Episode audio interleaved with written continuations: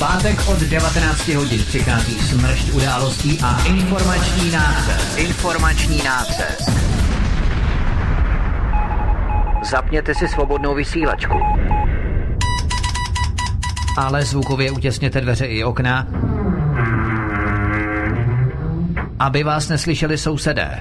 Mohou vás totiž udat za poslech proti evropské propagandy.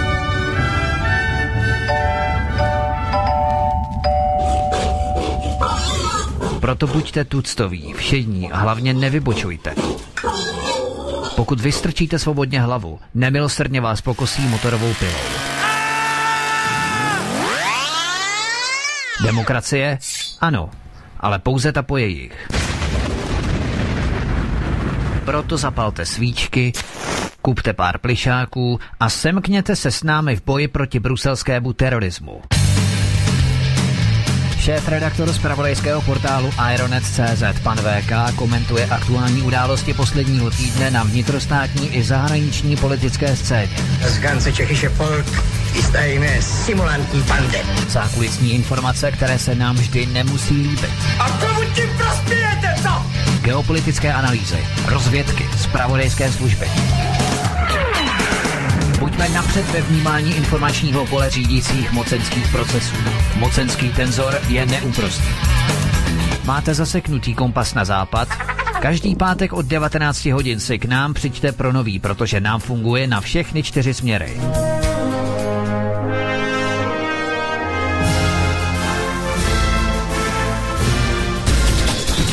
Každý pátek od 19 hodin šéf redaktor z pravodejského portálu Ironet.cz pan VK krátký myšvy jeho atamanského vyčínku vypumpuje náš tlak na 158%. Vedoucí kolotoče. Ve společném programu na svobodném vysílači CS. CS. CS. Vítám vás v pravidelném pořadu u Klábosnice. No a tak e, teď ještě koukám od Vítka, mi tady něco píše, tak hned budeme moudřejší. Takže e, vítám vás v pravidelném pořadu hovory u Klábosnice a co týden dal, co týden vzal, pochopitelně s Vítkem a s panem VK. Já jsem tady pouze ten, který supportuje toto dnešní vysílání, takže já vám ještě případně zahraju. Mám tady už Vítka. Vítku, zdravím tě, ahoj, už jste komplet? Tak skvělý, Petře, já tě zdravím. Zdravím a zároveň všechny naše posluchače, svobodného vysílače čtenáře Aeronetu i TBVK. Jsme velmi rádi a jsme šťastní, že tu můžeme být opět tento pátek znovu společně s vámi. My doufejme, my doufáme, že vy jste šťastní také. Ovšem dnešní týden toho štěstí příliš moc nepřinesl, což budeme probírat za chvilku. VK, ahoj. Ahoj, tak ještě na druhý pokus vás teda všechny zdravím u dnešního vysílání. Zdravím Petra, zdravím tebe Vítku, všechny posluchače, všechny čtenáře. Hned se pustíme do prvního hlavního, smutného, tragického uh, povídání. Doufám teda ne našeho tragického, ale tragické události nebo povídání o tragické události. Uh, takže hned se prv, pustíme do prvního tématu. Takže já ti předávám slovo. Děkuji VK. Já právě jsem zmínil před chviličku, nevím, jestli to bylo slyšet, že tento týden nám příliš štěstí nepřinesl, protože v úterý těsně před půlnocí zemřel Karel Gott a zanechal za sebou nejenom legendární odkaz svých písní, ale i několik záhadných vzkazů a souvislostí, které během svého života odhaloval. Šéf evropských hodnot mu nadával, že pracuje pro extremisty a ruské síly. Od vědců se dočkal pohrdání a hanobícího ocenění bludný balvan za to, že předpovídal události v procesech řízení na pravdu o roce 1968 a věděl, kdo ovládá světové politické systémy skrze bankovní kartely. Odešel nejenom zpěvák, ale především vlastenec, který se nebál říkat pravdu a na to, Margo, bych úvodem připomněl jenom jeden z několika rozhovorů s Karlem Gotem. Například ten památný rozhovor v roce 2001 pro Lidové noviny. A v tomto roce 2001 Karel Gott prohlásil, uvedl v Lidových novinách v tom rozhovoru, současné dění směřuje k totalitní světovládě. Uvědomme si, že se psal tehdy rok 2001. Neprobíhala tu zdaleka žádná migrační krize, to bylo až za zhruba 15 let, žádná finanční krize, to bylo někdy až za 6 let, pokud dobře počítám, 7 let. 2008, žádné hlubší integrace tzv. Evropské unie, Vysáchenská smlouva a tak dále, dokonce ani žádná Lisabonská smlouva tehdy, dokonce jsme v té době ani nebyli v Evropské unii. A po 20 letech vidíme, že stále více majetku se soustředí do rukou stále menší hrstky jednotlivců ovládající bankovní systémy anebo rodin. Eh, všechno má stále jasnější průvodní jevy přípravy na totalitní světovou vládu. Jejímiž nástroji budou celky Evropské unie, americká dohoda s Mexikem a Kanadou, organizace mezi azijskými zeměmi a také africkými. A nad tím vším se klene OSN, kdy nebude-li stát postupovat podle diktátu Organizace spojených národů OSN, budou na něj uvalené likvidační sankce. A všechno dostává konkrétní obrysy tak, jak to Karel Gott předpovídal v roce 2001. Tak, co všechno jsme VK odchodem Karla Gota ztratili? No tak především jsme ztratili své vlastní národní svědomí. Protože Karel Gott eh, byl stělesněním celého vlastně českého, nebo můžeme říkat eh, celého jakoby československého eh, národního svědomí, protože byl stělesněním na jedné straně ideálu, snahy o, řekněme, ten transcendentní pěvecký přesah, a ty obyčejné lidské životy, které byly zatíženy mnoha problémy, obyčejných lidí, ke kterým Karel Gott promlouval skrze své písně. E, nikdo takový jiný nebyl. Jestli někdy bude, nevíme, možná neříkejme, někdy se nemá říkat někdy, ale je velmi nepravděpodobné, že by v blízké době byl někdo takový jako on, přičemž mnoho lidí samozřejmě vůbec netušilo, že on jakožto tedy elitní zpěvák, výjimečný, mimořádný, eh, měl přístup k mnoha lidem měl přístup mnoha informacím a informačním zdrojům, jak tedy za minulého režimu, eh, i za toho ještě minulého, eh, ať už to byl tedy režim prezidenta Novotného, který se změnil potom na Pražské jaro, eh, Dubčekova éra, potom zase jiný režim, režim normalizační, potom takové to uvolňování v 80. letech, potom zase ten režim polistopadový, nebo porevoluční, nebo pokabátový, až vlastně do dnešního režimu režimu, který je neoliberálně fašistický a, nad, a, a ne nacistický, to ne, ale fašistický, e, nastavený proti rodině, proti tradičním hodnotám, proti národním tezím a samozřejmě jedná se o teze sionistického kaganá. E, je velmi těžké v dnešní době eh, jenom odběhnu, eh, protože probíhají korekce, korekce té mojí nové knihy. Adam na tom velice intenzivně pracuje, já mu strašně moc děkuji, má vlastně spoustu práce. Protože tam musí samozřejmě probíhat nějaké korekce některých věcí, které prostě není možné do té knihy eh, napsat tak, jak já to cítím, nebo tak, jak já to píšu na Aeronetu, protože v té knize to tak být nemůže, protože by se někdo dostal do problému vydavatel by se dostal do. Kdyby to tam stálo způsobem, jakým eh, bych chtěl, aby to tam bylo. Takže se hledají různé nuance, různá jiná slovní, slovesná vyjádření, opratové fráze a tak dále. A to všechno jenom kvůli těm lidem, kteří nechtějí dovolit svobodu slova v České republice. To znamená, to jsou ti etnikáři. Jako říkal... Já tě, promiň, já tě hrozně, hrozně nerad, hrozně nerad to dělám, no. jo, ale já ti jenom přeruším, že v Čechách se může vydat Hitlerův Mein Kampf. Mein Kampf, pardon, to je v pohodě. A tady se musí slovíčkařit v rámci této knihy. Nepřijde ti, to trošku nepoměr? Protože, protože, protože uh, celá Česká republika je pod egidou židů. Kompletně. Celé procesy řízení. Od toho posledního úředníčka až nahoru jsou všude židé. Kompletně. Proto Česká republika je chráněna před migrační eh, invazí.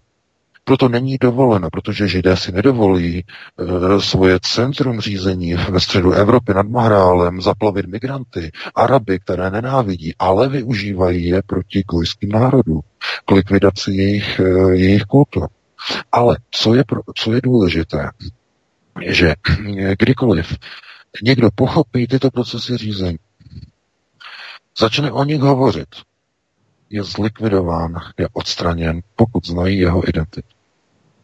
A těch procesů, jak můžou zlikvidovat člověka, je spousta. Buď ten jednodušší zastřelí ho, e, nebo se mu udělá někde špatně, nebo záhadně někde má nehodu, nebo spadne ze schodu, nebo uklouzne ve vaně a dvakrát se podne nožem dozad, a nebo vypadne z okna z, vy, z vysokého mrakodrapu, nebo spáchá zvláštní sebevraždu, a nebo zkrátka onemocní nějakým zvláštním záhadným, velice rychlým, zhoubným způsobem. E, nikdo neví vlastně, o co se jedná a ten člověk odejde.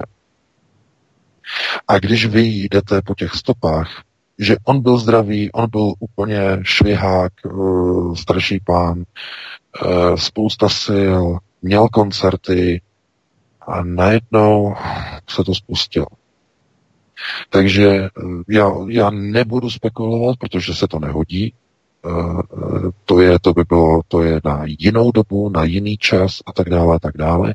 Každopádně on informace, které pouštěl v poslední době, a jistě si pamatujete, že to začalo minulý rok, eh, vlastně na, nebo v okolí v okolí oslav eh, toho výročí srpna 68, ale především potom v listopadu ke konci roku, když Karel Gott měl eh, to vysílání s Martinou Kociánovou na Českém rozhlase na dvojce, eh, tak tam měli to povídání vlastně o tom pozadí 68 a tam on odhalil některé věci, některé strašné věci.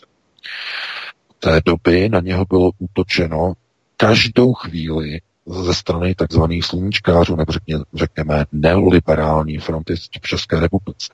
Začala na něho útočit Pakalová média, no samozřejmě, protože to jsou Rothschildová média, Dům Rothschild, protože on je příbuzensky eh, spjatý eh, Zdeněk Bakala s Rothschildovou rodinou, jeho pradědeček samozřejmě, jeho pradědeček je Rothschild, Žik. Takže eh, tohle to jsou procesy řízení.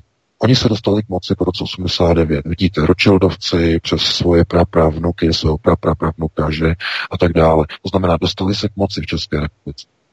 Chtěli si ukotvit svoji vádu. V České republice to není dovoleno, protože Praha je centrem světového židovstva, kde se musí držet e, balans, rovnováha. Nemůžou si přivlastnit jedni nebo druzí. Praha je centrem takzvaného smíru, to znamená, že nejsou dovoleny procesy e, v českých zemích, v Bohémii, zdůrazňuje. Morava je něco jiného.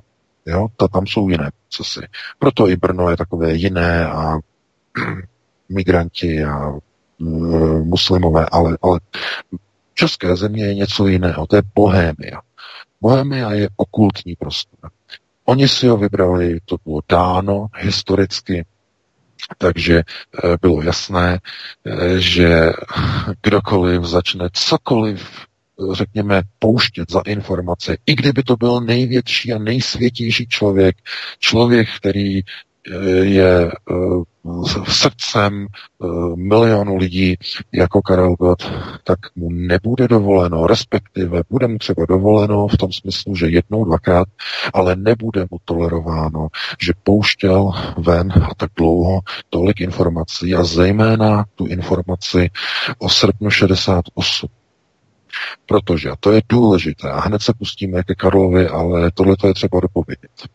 E, nebo připomenout, protože já už jsem o tom psal článek minulý rok. Srpen 68 byl samozřejmě dopředu dohodnutý, ale teď mnoha lidem nejde do hlavy, jestli teda e, ten zásah 21. srpna, tedy jestli to byla nějaká reakce na něco nebo na někoho a tak dále. Ten problém byl nastavený úplně někde jinde. Eh, když eh, přijeli tanky, eh, přijela armáda, tak všichni viděli procesy řízení, to znamená ty, ty veřejně viditelné, to znamená Dubčeková vláda, Smrkovský, všichni byli zhavnutí a byli odvezeni do Moskvy na tzv. konzultace, ale k jedné věci nedošlo. Nedošlo k uzavření hranic. Sovětská armáda nechala silnice a cesty otevřené na státní hranice a měla zakázáno blokovat průjezdy aut ke státním hranicím na západ. No, Spousta lidí se na to vzpomíná samozřejmě, že všude byly tanky, stály podél silnic, ale nikdo neblokoval žádné výjezdy, průjezdy, příjezdy. Sovětská armáda jako kdyby vůbec, nebo všechny ty armády, to nebyla jenom sovětská, to byly i další, eh, tak jako by neměli strach, že třeba ze západu přijde útok, bratrská pomoc, nebo ne bratrská, ale řekněme intervenční pomoc od amerických vojsk umístěných tady v Německu, nebyl žádný strach, nebyly žádné obavy, byly otevřené hranice, No samozřejmě, že sovětská vojenská doktrína věděla, jaké jsou hrozby, to znamená, kdyby byla nějaká hrozba, byly by všechny hranice neprodyšně uzavřeny, byly by tam zátarasy, minové zátarasy, okamžitě by ženisté e, připravili vlastně takzvaný perimetr obrany proti západním armádám. Nic z toho se nedělo. Zůstaly hranice otevřené. Ale co zůstaly? Oni zůstali otevřené až do roku 72. Což dneska už se nevzpomíná a nepřipomíná. Ano, museli jste samozřejmě, měli jste výjezd, eh, měli jste eh, doklad a normálně dostávali lidé výjezd. Co je ale důležité říct, že to mělo potom určité takové zvláštní konotace, že výjezdy byly blokovány po roce 72 lidem, kteří neměli židovský původ. Těm nebylo dovoleno vycestovat. A proč? Z jakého důvodu? O tom já píšu v nové knize. Protože gojské národy, gojos, jsou národy otroků. Jsou otrocké národy. Od kdy jste viděli, aby otroci mohli svobodně cestovat? Ti přece musí pracovat. Ne cestovat. Protože židé mohli cestovat volně přes hranice. Vy jste nemohli. To jsou ty souvislosti, o kterých které naznačoval Karel Gott. A proto proto nedej Bože, došlo k tomu, k čemu došlo. To znamená, on tohoto pustil ven. Tuhle informaci. No a tím překročil čár. Tu červenou. Tu tenkou červenou linii, kdy můžete říkat o těchto, řekněme, mocenských strukturách něco, do nějaké doby je vám to tolerováno, ale řeknete něco a už je to přes čár. Takže eh, Karel Gott eh, zkrátka byl fenomén a bylo to díky tomu, že i on vlastně poznal západní systém řízení už velmi záhy, již před rokem. Uh, on byl krátce před rokem 68, teď si nespomínám přesně na tu období, tam bylo asi půl roku, byl ve Spojených státech, zpíval v Las Vegas, to si jistě pamatujete, získal tam spoustu, spoustu zkušeností, ale uh, on tam jako abyste si nemysleli, že jako tam měl na zkušenou nebo vydělávat nějaké peníze pro soudruhy, když i to se jako říkalo, že tam vydělává peníze pro soudruhy, to znamená tvrdé valuty, tvrdé dolary, ale on tam v podstatě jel jako kádr, který měl získat informace, nějaké informace o procesech řízení eh, a tak dále. Každopádně on se vrátil a on se vrátil úplně jiný, protože uh, jedna, jednak jedna z věcí byla, že on se hodně upnul k takovému tomu národnímu a trochu bych řekl až transcendentnímu zpívání eh, takzvaných belkantových skladeb. No, belkantové to vlastně krásné písně v překladu, eh, kdy on vlastně se chtěl v podstatě jakoby napojit, harmonicky napojit na srdce eh, lidí Československu. A vy jste viděli, že on se nikdy neodstěhoval ani před, ale ani po kapátové revoluci, neodstěhoval se z České republiky nebo z Československa. E, nikde se nekoupil někde na pobřeží nějakého moře, nějakou vilu. Neodešel někam jinam, nehledal někde nějaké jiné e, slavné pozice, ale vlastně zůstal věrný Eh, českému národu. No a někdo by řekl, že to třeba bylo tím, že uh, zase takový ti, ti rejpalové, všichni ti, kteří se teď v posledních hodinách a dnech ozvali uh, proti Karlu Gotovi, uh, všichni ti rýpači, ty nuly, ty, ty nímandové, nebo ti nímandové, tak uh, oni by řekli, že třeba se neprosadil v cizině až tak moc, snad s výjimkou tady Německa, Rakouska, že kvůli jazykům, že třeba neuměl dobře anglicky nebo takhle, ale o tom to přece vůbec ne. To bylo u, o jiných souvislostech, o jiných věcech. On totiž eh, se setkal v té Americe, když tam byl s některými lidmi. Konec konců vlastně říkal v jednom tom rozhovoru, že se setkal vlastně s lidmi a s manažéry, kteří pracovali Franka Sinatra. A pozor, no, Frank Sinatra, samozřejmě to byl člen, jeden z nejvyšších členů, opravdu, ale jeden z nejzasvěcenějších členů americké lože Illuminati. Jeden z nejvyšších.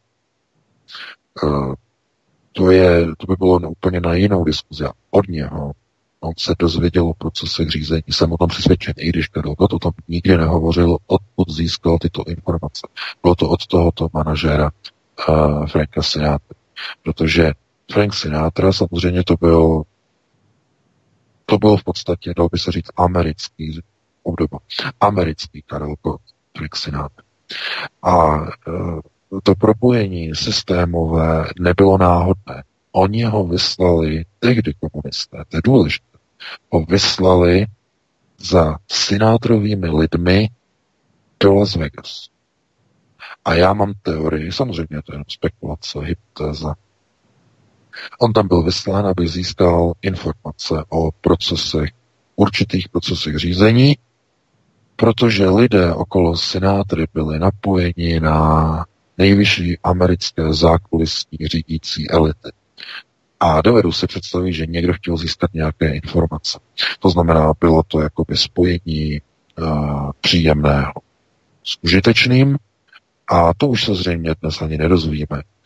Zkrátka jde o to, že uh, Karel Gott tam byl zasvěcen do procesu řízení, poznal, že to není dobrý západ a zlý východ, ale že tyto elity západní pohrdají slovanskými národy.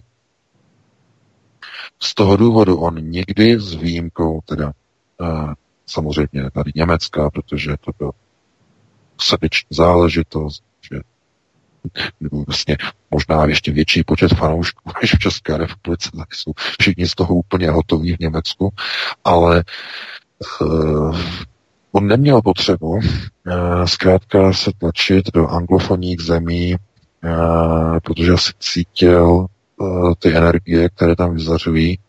A proto začal už velmi záhy po roce 89, um, v tom roce 1990, to byla ta kniha, jak to vidí Karel Gott, uh, tak tam vlastně on se vyjádřil, tam vypustil snad největší penzum možných informací, který si ani vlastně jako ani nedokážeme představit.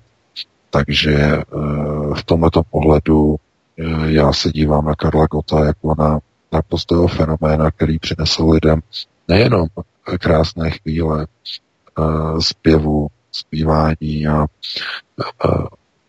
řekněme takových nostalgických vzpomínek, protože tohle je otázkou nostalgie kdykoliv uslyšíte jeho písničku, tak si vzpomenete na nějaký okamžik svého života. To je ta, ta asociace podprahová, podvědomí, e, že si vlastně se vám vybaví nějaký okamžik vašeho života, když slyšíte nějakou jeho konkrét píseň.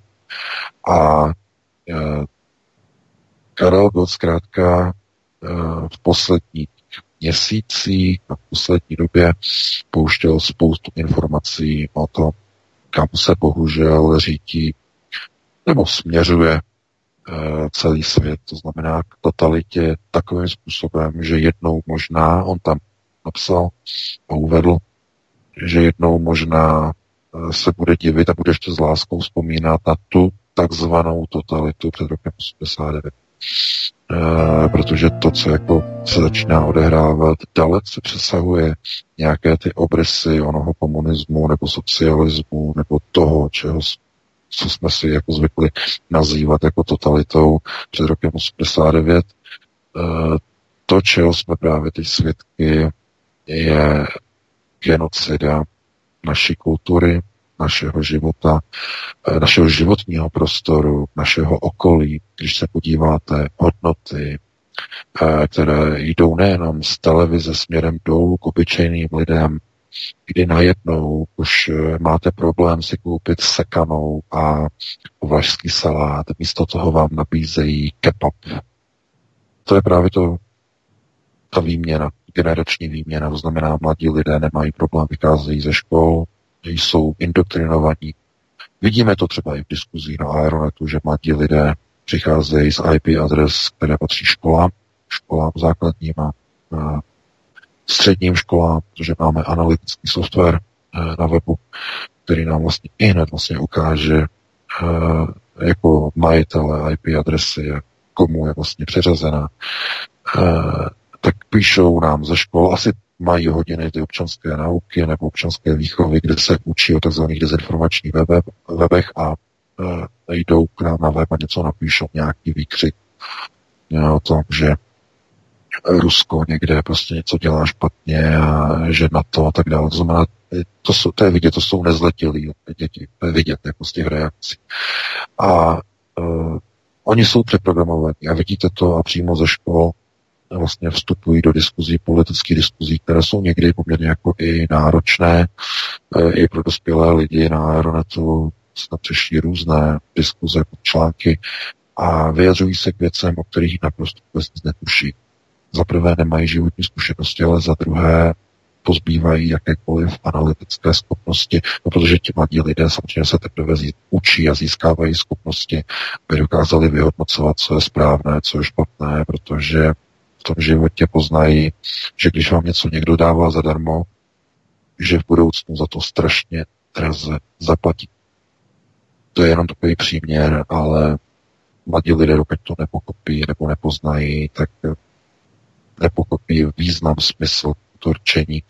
Eh, je to problém vlastně společnosti výchovy, která je nastavená způsobem eh, jakýmsi dogmatickým a eh, takovým tím kurikulárním způsobem, to znamená, že něco je sestaveno, co mají děti znát, to znamená něco jim nalít do hlavy, ale ve skutečnosti ty děti se učí jenom nějakou, jakoby, dalo by se říct, propagandu. Pak, když se nejedná o rigidní obory, jako třeba matematiku nebo fyziku, kde se to nedá jako okecat, ale dá se to okecat už třeba právě u těch humanitních oborů, to znamená u oborů, které jsou založeny na takzvané povídání o říkání, to znamená genderové studia, sociální studia, sociální služby, eh, všechny ty možné humanitní obory. Já neříkám, že by byly úplně k ničemu, ale přece jenom v dnešní době, když máte, já nevím, 15 tisíc genderistů v České republice, nebo dokonce k 20 tisíců, tak uh, otázka je, kdo je zaměstnan, že to znamená, kdo má problémy s pohlaví, identifikace pohlaví. Teď je taková kauza s tou knížkou, která je vlastně přeložená z francouzštiny, od francouzského autora.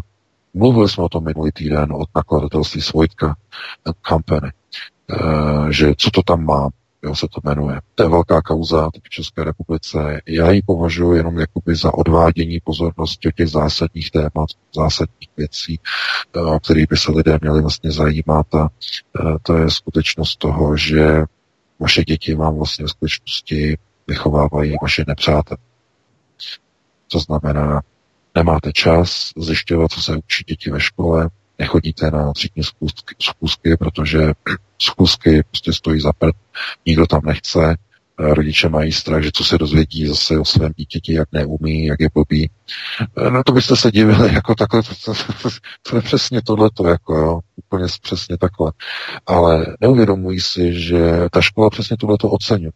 To znamená, čím méně se o to dítě vlastně zajímáte, tím větší prostor a klid na práci oni mají s vaším dítětem, aby z něho vychovali někoho úplně jiného, někoho proti vám. A e, Karel Gott e, samozřejmě, že člověk ze staré školy vyšel, narodil se v protektorátu Čechy a Morava, vyrůstal v 50. letech v době budování Eh, socialismu, takže jeho výchova byla eh, v té době, v těch 50. letech, koncem 40. 50. Eh, byla ukotvená silně pro národně. Jo, protože v 50. letech to byl ten hlavní výukový trend pro národní ukotvení, už nikdy nedovolit nacistickou okupaci, vlastenectví a tak dále. No, protože to byl to bylo žádoucí tehdy v těch 50. letech. Proto on i ve svém věku požehnaném uh, okolo té své osmdesátky a před ní uh, stále si držel to, ten způsob, jakým byl vychován, to znamená láska k vlasti, to velké vlastně přidružení k národu, tohle to bude samozřejmě chybět. Bude, budou chybět nejenom jeho písně, ale i takový ten právě eh, ten odkaz, který on nesl napříč těmi generacemi. Že 80 let on zpívá od 20 let, zpíval od 20. Eh, samozřejmě ne ještě tak slavně, to byl tehdy, tehdy ještě amatér, ale on 60 let zpíval. To znamená, to jsou celé tři generace lidí. Kompletně tři generace. A ty tři generace vlastně šly s ním a jejich životy byly propojeny přímo s Karlem Potem.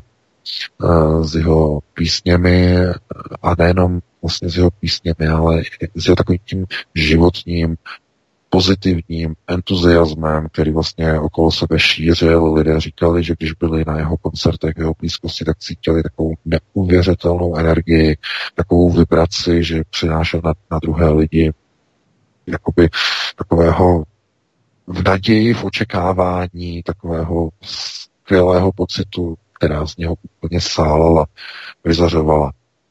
No a o takovéhle lidi oni mají zájem. Právě ti, o kterých on hovoří. To znamená, to jsou lidé, kteří mají tak obrovskou energetickou základnu, dokáží takzvaně vysílat energetické proudy, že o tyto lidi oni mají zájem, protože to jsou lidi, kteří jsou velice, uh, velice schopní k využití k takzvaným okultním procesu řízení, o kterých čas od času mluví i Valery Pjaky o takzvaných okultních procesech řízení. To jsou nejvyšší procesy řízení, hm, patří k těm vlastně nejvyšším úplně procesy ilumináty, to znamená procesy osvícených a to je de facto, já jsem to napsal vlastně v tom článku, můžete si je představit jako ti, kteří jsou nadřazení a nikým nevolení. To znamená ti, kteří rozhodují o chodu planety. To znamená, nejsou to manažeři, jako je například Dům Sion. Dům Jehuda.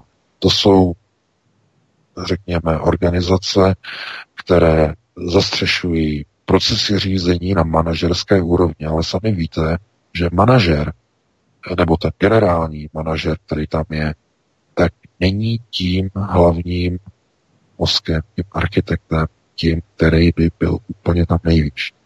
Tohle je skupina ilumináty. A e, oni mají něco víc, co nemají běžní židé. Oni mají schopnost okultních procesů řízení. To znamená, dokážou vidět e, za takzvaný horizont času. To znamená, vědí, co se stane v budoucnu. Dokážou predikovat. No a když se podíváte na Karla Gota, který předpověděl zvolení Nelsona Mandely za prezidenta Jihoafrické republiky šest let předem, který předpověděl zřícení amerického raketoplánu Columbia nad Amerikou. Uh, on net, jediné, co netrefil, je rok. On řekl 99 a bylo to až o čtyři roky později 2003, ale on to viděl samozřejmě. On to viděl v projekci, takže tohle to všechno předpovídal.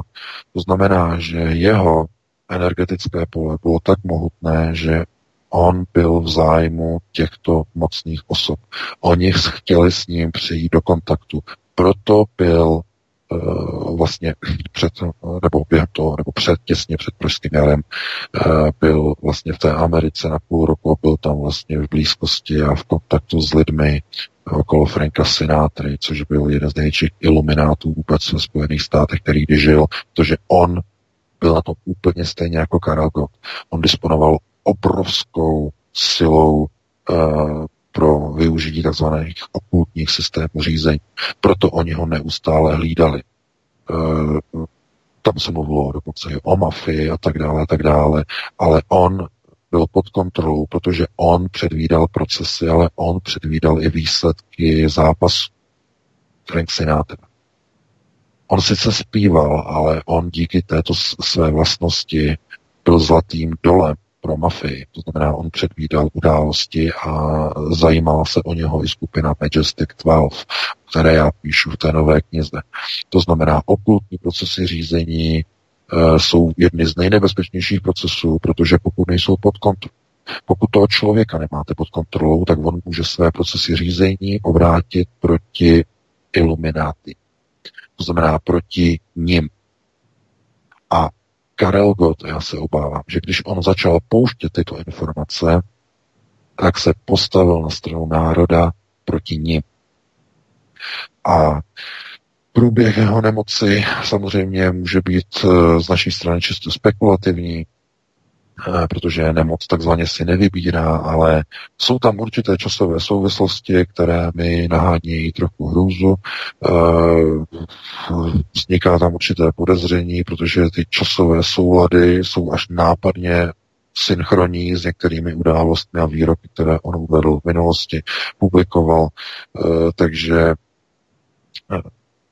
co můžeme k tomuto říct eh, maximálně jakoby k zhodnocení, tak eh, Karel Gott bude eh, českému národu určitě chybět, protože on právě těmi svými písněmi pouštěl, jak se říká naživo, tomu národu některé ty energetické vzkazy. To znamená něco, něco je do těch jeho písní zakódováno.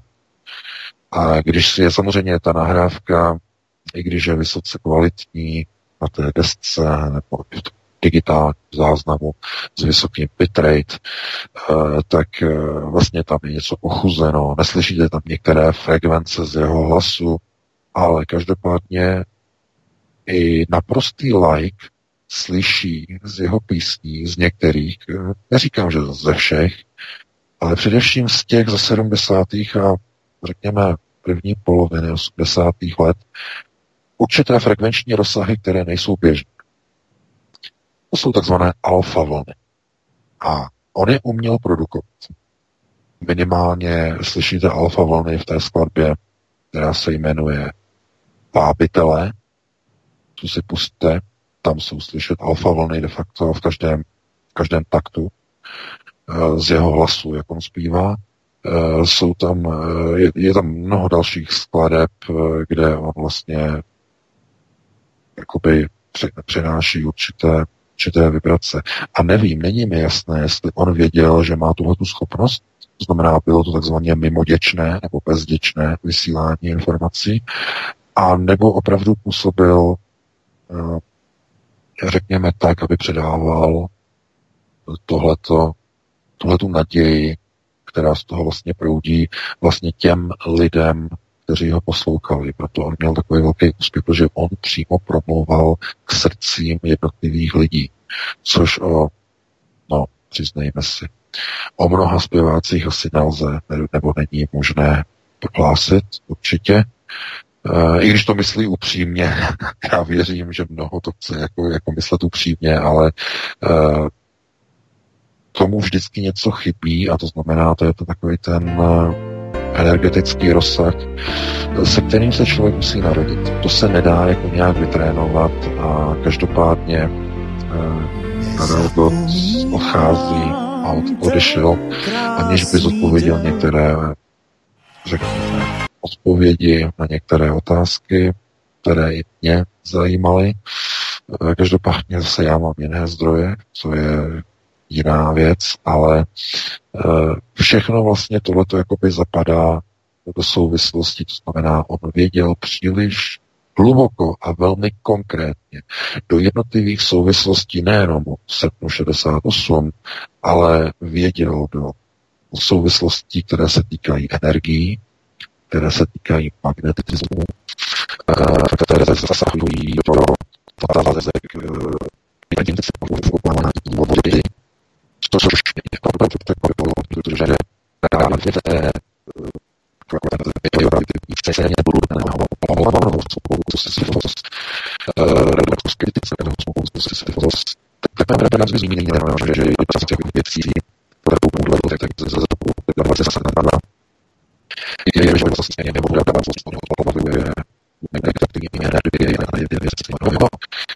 to věcí, které to bude tak tak za to dávat se zase na je, že zase stejně nebudu dávat to opakuje negativní energie, je na jedné věci, Ještě budu dávat na to, že to bylo to je až to bylo 38. Tohle jsou dvě možnosti. On buď byl tedy připojen do tohoto zařízení, znamená viděl ty obrazy, nebo mu o nich někdo, někdo řekl v nějaké nestřežené chvíli, nebo možná v té Americe, po lidí toho senátory, že možná do toho zasvětili.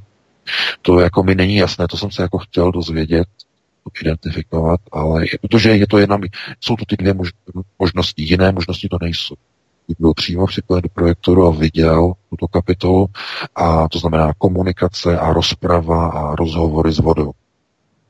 No, to je opravdu to, a teď ani ne, my jsme lidi úplně jim zamotali hlavy, e, lidé, skupina lidí sedí a hovoří k vodě, která je ve sklenici a voda komunikuje, odpovídá lidem z úrovně myšlení a to je, to něco až mimo schopnosti chápání.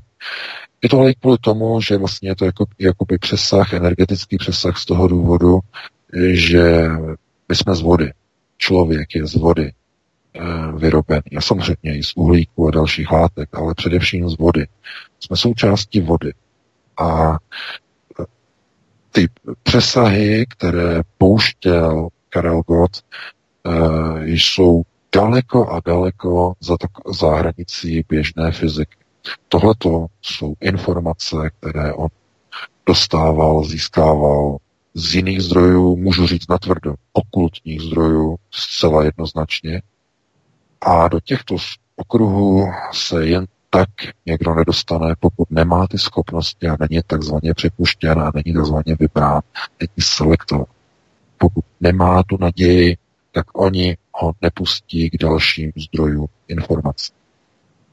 Proto uh, Karel Gott uh, odešel od nás uh, nejenom uh, jako zpěvák, ale především jako člověk, který rozuměl, řekněme, uh, procesům a záležitostem, které jsou za hranicí běžného chápání. On jim rozuměl a uměl je jistým způsobem omezeným, co, co si mohl dovolit, aby e, neřekl nebo neohrozil někoho, tak co dokázal vlastně posunout veřejnosti, e, tak e, ukázalo, že dokáže pohlížet na život a vlastně na systémy řízení úplně z jiného pohledu, než běžný světský člověk, který se stane nějaký, nějakou shodou okolností zpěvákem a nemá třeba nějaké to potřebné vzdělání, ale svým talentem se dostane uh, skutečně na nejvyšší uh, mety a na nejvyšší posty slávy. Takže Karel Gott je fenomén, zůstane fenoménem a tito lidé, kteří září, to znamená tyto to hvězdy v temnotě, přitahují tu největší spodinu a chátru, jakou si dovedete představit. Eh, já jsem o tom psal článek včera. Nebudu to opakovat. Jestli chcete, tak si ho přečtěte.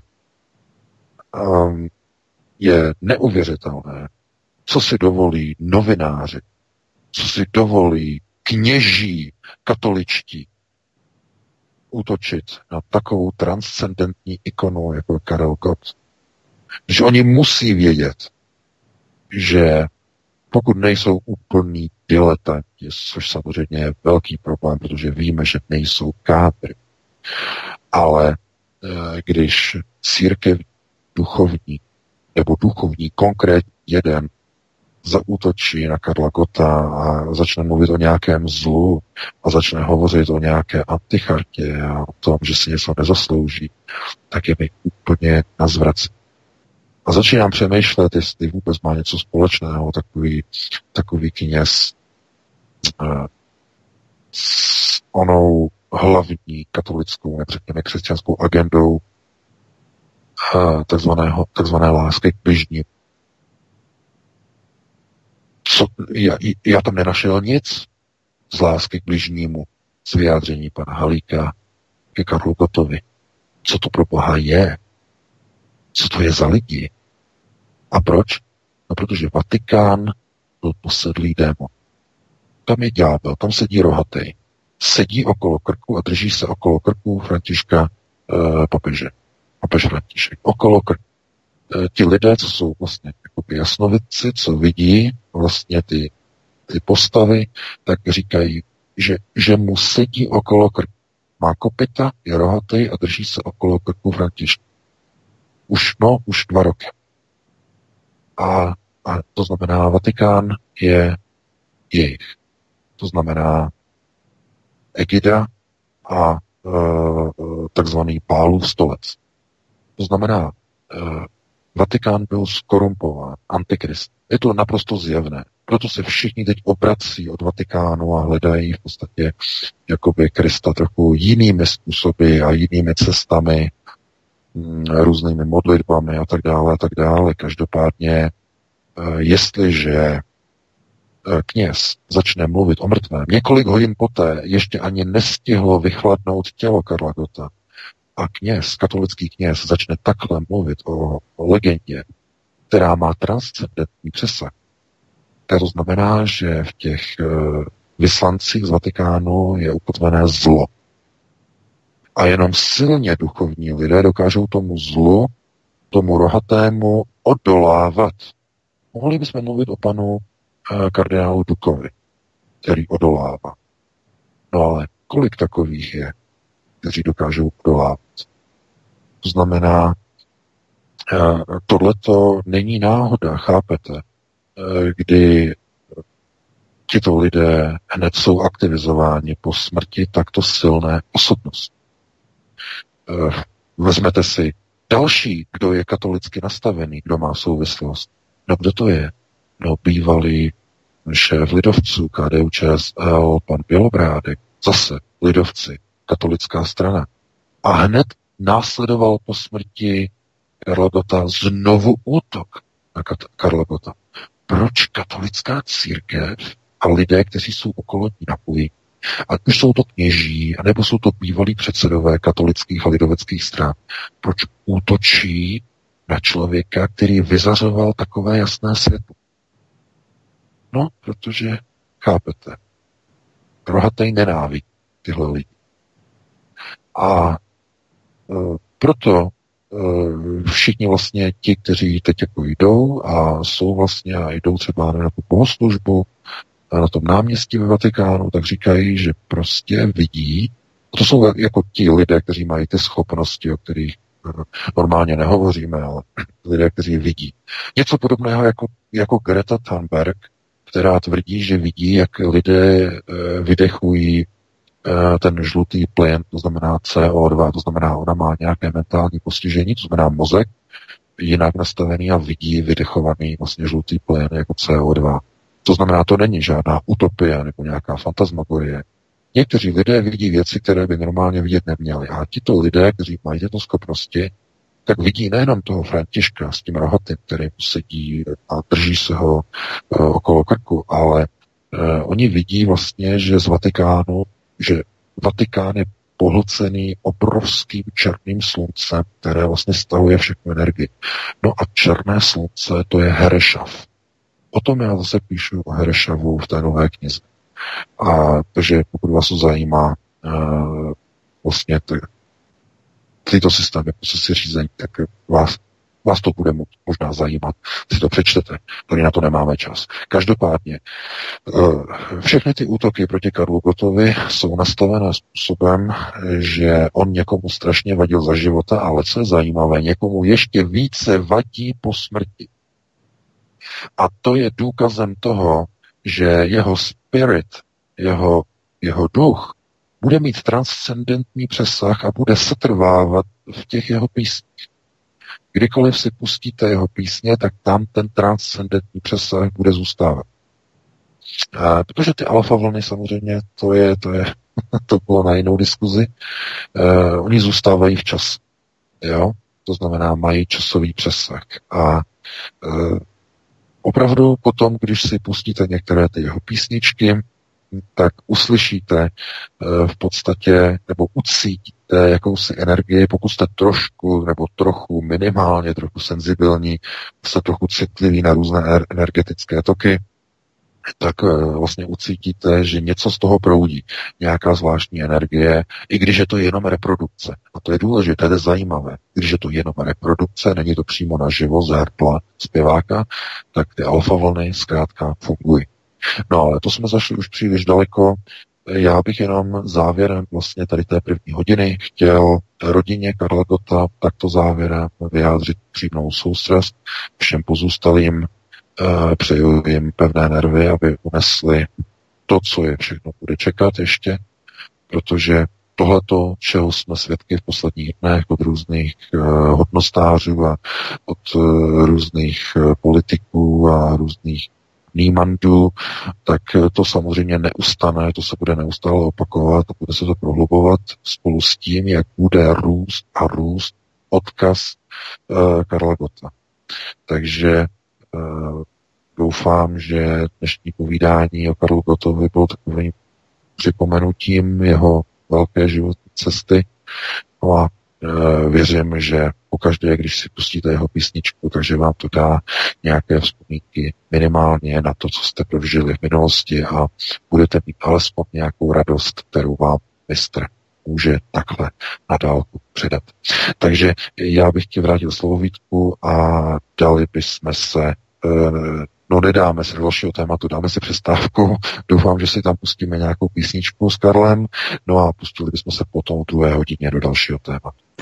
Ano, VK, přesně tak, dáme si písničku. Já jenom připomenu, po písničce ještě dodám takový dodatek, doplněk, takový postřeh v rámci moderní popové muziky, která se hraje standardně v rádích. A právě to je ten určitý rozdíl mezi písněmi Karla Gota a mezi třeba i mnohými staršími písněmi a hudební produkci, která se hraje teď, bez ohledu na to, zda tomu hudebnímu stylu fandíme, zda jsme jaksi fančmekry daných hudebních stylů, ať se jedná o R&B nebo drum and bass nebo cokoliv tak eh, je tam, je tam prostě určitý rozdíl, já se k tomu jenom vrátím po písničce, lehce to okomentujeme a potom se pustíme do dalšího tématu. Takže... Prosím tě, Vítku, dvě písničky, ano? jo, že já to nestihnu, dvě písničky, jo, šest dvě minut, jo. Super, no. dáme dvě písničky, fajn. Tak jdeme na to, Petře. Tak eh, Vítku, jste připraveni pokračovat? Já jsem tady, Petře, zkusíme si prokopnout spojení, jestli je to i VK. Hmm. Dneska musím říct že nám tady někdo mocně úřaduje. V jakém směru úřaduje? Švětě, normálně se mi ztratili písničky, které jsem měl tady v řadě, že je odehraju, tak uh, zmizely, jakmile jsem na první klik. Jednou nám hmm. spadl, celý vysílání nám spadlo. Uh, zajímavé. A máš uh, nahrané komplet ten pořád? Mm, asi, já myslím, že ano. Jo, fajn, hmm. tak to když tak potom spojíme. Určitě. tak, tracků, slyším, že už VK je připraven, tak pánové, můžete pokračovat. Já ještě VK a i Petře, ale VK, chtěl bych se tě zeptat na takovou věc ohledně rozdílu písniček Karla Gota a třeba i mnohých starších písniček, aniž bych byl nějaký fanda starších kousků. Já jsem spíš na tu moderní muziku a tak dále. Nebráním se ničemu novému, spíše naopak vyhledávám věci, které jsou nové, které jsou moderní.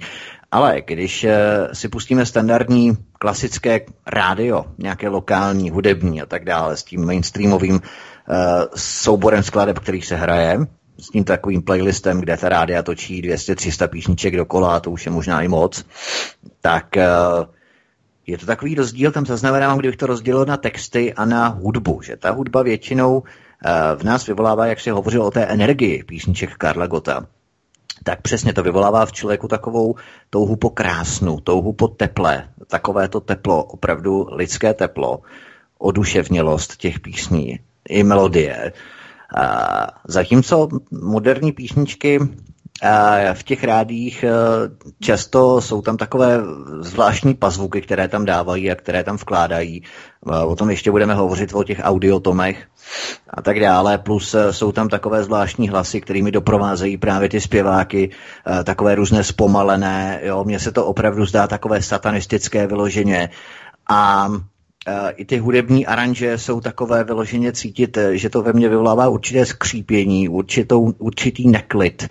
A rozhodně v tom není taková ta čirá radost z té hudby, kterou člověk poslouchá. I třeba opakování rytmu, jako mě to zdá jako takové ty šamanské rituály, kdy prostě se opakují, já nevím, minutu, minutu a půl, prostě jeden konkrétní rytmus. Nemyslím standardní rytmus celé písničky, tři, čtyři minuty, ale myslím určitá melodická sekvence, že se opakuje třeba jednu minutu. A co se týče textů, tak to jsou taky takové depresivní texty o killing, I'll get you, nebo I got you, jo, prostě všechno, že já ti dostanu, už tam není taková ta čírá touha po té lásce, jo, taková ta rizí láska, není tam přítomná třeba právě v eh, těch písních Karle, Karle Gota přítomná je, a i v těch písničkách je prostě killing, uh, je tam uh, I'm standing on a bridge, jo, um, on the edge of a bridge, prostě na, na, na kraji mostu, stojím na kraji mostu, I'm crying, to často slyšíme v těch anglických písničkách, I'm crying, křičím, řvu, pláču, jo, I'm crying, protože to má více významů, že jo, to slovo cry, jo, takže i ty texty jsou depresivní, že opravdu, když to eh, normálně standardní lidé poslouchají, ať je to v automobilu, ať je to v hospodě, ať je to v baru, ať je to někde na ulici, prostě kdekoliv, takže si to pumpují do hlavy a vytváří to prostě takový ten podtón lidí, kde už jsou prostě připravovaní a mně to opravdu připadá takové, opravdu člověk nemá klid, nevyzařuje ta moderní hudba takové to teplo, krásu, krásnotou, hudební melodičnost hlavně, jo, že tam nejsou prostě takový uh, jako touha po melodii, po nějakém popěvku, který prostě utkví v hlavě, člověk si ho přespívává a jo, prostě je to hezký, je to nádherný. To už tam takový není, mně to připadá opravdu, a nejsem žádný staromilec, jo, ale mně to opravdu připadá, že z těch eh, moderních hudebních aranží není, nevyzařuje takové to teplo, spíš jsou tam přítomné takové ty satanistické, negativní, disonantní, rezonantní energie, prostě, které v tom člověku vyvolávají akorát neklid, zmatek a chaos. A připadá ti to také tak? Asi ty to neposloucháš ta rádia standardně a taky ne, protože člověk, když je tím nepolíbený a poslouchá to pořád, tak mu to tak nepřijde, ale já když si to zapnu, protože já rádio standardně neposlouchám, a když si to zapnu občas, jednou párkrát za rok, tak eh, člověk to opravdu cítí, tu hudbu, že to je opravdu neklid. Eh, přijde ti to také tak? No já tady měl vypnutý, tady doufám, že mě slyšíš, Vítku, slyšíš? Eh, slyším tě, slyším tě. O, výborně, výborně. Já jsem tě poslouchal. No, to je právě to, že to, co zpíval Karel Gott, nebo tyto písničky, ty krásné písničky, to jsou, to jsou takzvané belkantové zpěvy.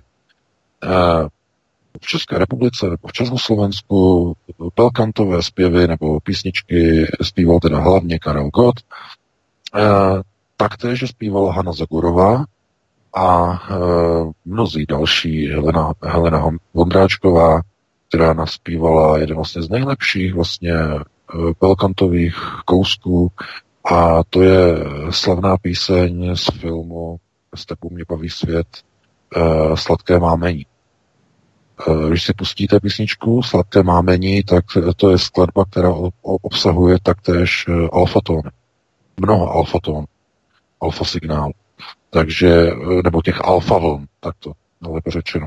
Takže ano, samozřejmě, takže česká hudba byla takhle nastavená a dříve za komunistů, zdůraznuju, no protože bylo v zájmu, aby lidé byli spokojení. Když teda, já nevím, nebylo úplně po majetkové hmotné stránce úplně všechno, co by lidé chtěli, Uh, muselo se čekat, já nevím, tady na auto se muselo čekat v pořadníku, tamhle něco nebylo, nedostatkové zboží pod pultem a tak dále. No tak si na to pamatujeme všichni, že to nebylo zase tak úplně jednoduchý přijít do krámu, koupit si a mít to. Muselo se schánět různě. Takže uh, vláda nebo tehdejší režim chtěl, aby lidé měli tedy aspoň nějakou pohodu jinak. A proto bylo vlastně jakoby chtěno, bylo žádoucí, aby byly zpívány takzvané balkatové písničky. A těm lidem se takzvaně ulehčilo, znamená, aby ten život měl jednodušší a lehčí a hezčí i krásnější. Takže ano, takhle to funguje. Ale co se týče těchto těch skladeb, o kterých si hovořil, takové ty rytmické, ty bubny a tohleto a píšťaly, eh, jako šamanské rituály, no ano, samozřejmě, protože to je, sana, to je satanová synagoga, samozřejmě. Eh, proč? Z jakého důvodu? Hm. No, tak jsme znovu u toho. Kdo vlastní všechna světová velká nahrávací recordingová studia, která nahrávají kontrolní otázka pro blbé. Takže kdo myslíte, že je vlastně? No, tak jsou to samozřejmě židé. Kontrolují kompletní trh s nahrávanými médii. A je jedno, jestli jsou lisovaná, jsou tištěná, nebo jsou to digitální prodeje. Eh, zkrátka, Oni to kontrolují. No a proč nechtějí, abyste měli hezké písně, aby se... Proč, proč tlačíte rádia tyhle ty písničky, tyhle ty, ty zlý, ty, ty podprahově uh, vyvolávající zlé pocity? No, protože, chápete, to jsou oni. Jako když teď se poslouchal na slobodném vysílači na slovenském, Eh, protože byl odkaz, jsem viděl v diskuzi, že odkaz, kde zhodnocovali ten výkon deníku N, eh, který napsal ten nepěkný článek o Karlu Gotovi, tak Noro tam eh, měl pěknou poznám, poznámku, takovou tam říkal, že, že v Česku jako deník Plesk, že jako napsal, že Slováci, podívejte se, jak Slováci zautočili na Karla Gota a on se proti tomu ohradil, že to nejsou přece Slováci, ti, co to píšou, v deníku N a v těch dalších médiích. On řekl, e, to nejsou Slováci, to, jsou, to je jiné etnikum, které neustále křičí bojím, bojím, bojím, to jsou, nám ubližují, pomozte nám, na nás útočí, bla, bla, bla. Jo, takhle. Tím naznačil, že on samozřejmě nemohl, protože Noro je, je veřejná osoba, takže on kdyby něco řekl konkrétně, tak by měl problémy. řekl etnikum. Samozřejmě, že to každému dojde, koho tím měl na mysli. No a tak to je, samozřejmě, protože tyhle ty věci nepíšou Slováci proti Karlu Gotovi. To nejsou Slováci. Nejsou. Prostě mají židovský původ, ti autoři, nebo ne přímo oni, ti, co to píšou, ne, jsou jenom sluhové, to jsou eh, zaměstnanci, kteří napíšou nějaký pulvár, nějaký, nějaký, nějaký škvár, pak to publikují, aby zostudili dva dny mrtvého člověka. Takže to je něco jiného. Ale kdo to vlastní, takové vydavatelství nebo takové noviny, eh, kdo je financuje, tak to jsou oni. To jsou ti etničtí. A nejenom etničtí, to jsou i ti sionističtí. Zejména oni. Zejména. Takže ano, to, já s tím souhlasím. To opravdu jako nepíšou proti Karlu Gotovi Slováci, to jsou, to jsou oni. Takhle si to můžete dát jako, jako autocenzura. Místo židé budete říkat oni. To jsou oni. A buď malým O, nebo s velkým O. Zase, abyste to měli rozdělené. podle, podle toho mojeho členění, jak já neustále vysvětluju lidem, aby si, aby rozuměli té válce mezi Židy a Židy. Takže ano, samozřejmě. No a co se týče tady vlastně těch e, písniček, tak to je úplně to samé. To znamená, že oni kontrolují veškerý mediální průmysl, veškerý mediální trh, no a ten rozhoduje o tom, co se hraje v těch hlavních velkých mainstreamových médiích. V těch rádiích oni rozhodují o tom. To znamená, Oni ví, že když pouští nějaké takové ty brutální písně, brutální songy, no tak tím vysílají tu negativní energii mezi ty lidi. Ti lidi jsou nasraný, ty lidi jsou vsteklí, jsou agresivní, dochází uh, k útokům mezi lidma, uh, lidé se dostávají k soudům za nějaké útoky, je to, je to podvědomně vyvolané. No a kdo soudí u těch soudů? Kontrolní otázka, zase jako pro blbé. Oni. No, takže nejdříve oni vám pustí písničku, vy potom máte blbou náladu, vy někoho zmlátíte, rozbijete hubu a jdete před soud, kde jsou oni a tak dále. Takže takhle to je velice zjednodušené, jako to zjednodušený pohled, ale bohužel přesně takhle to funguje.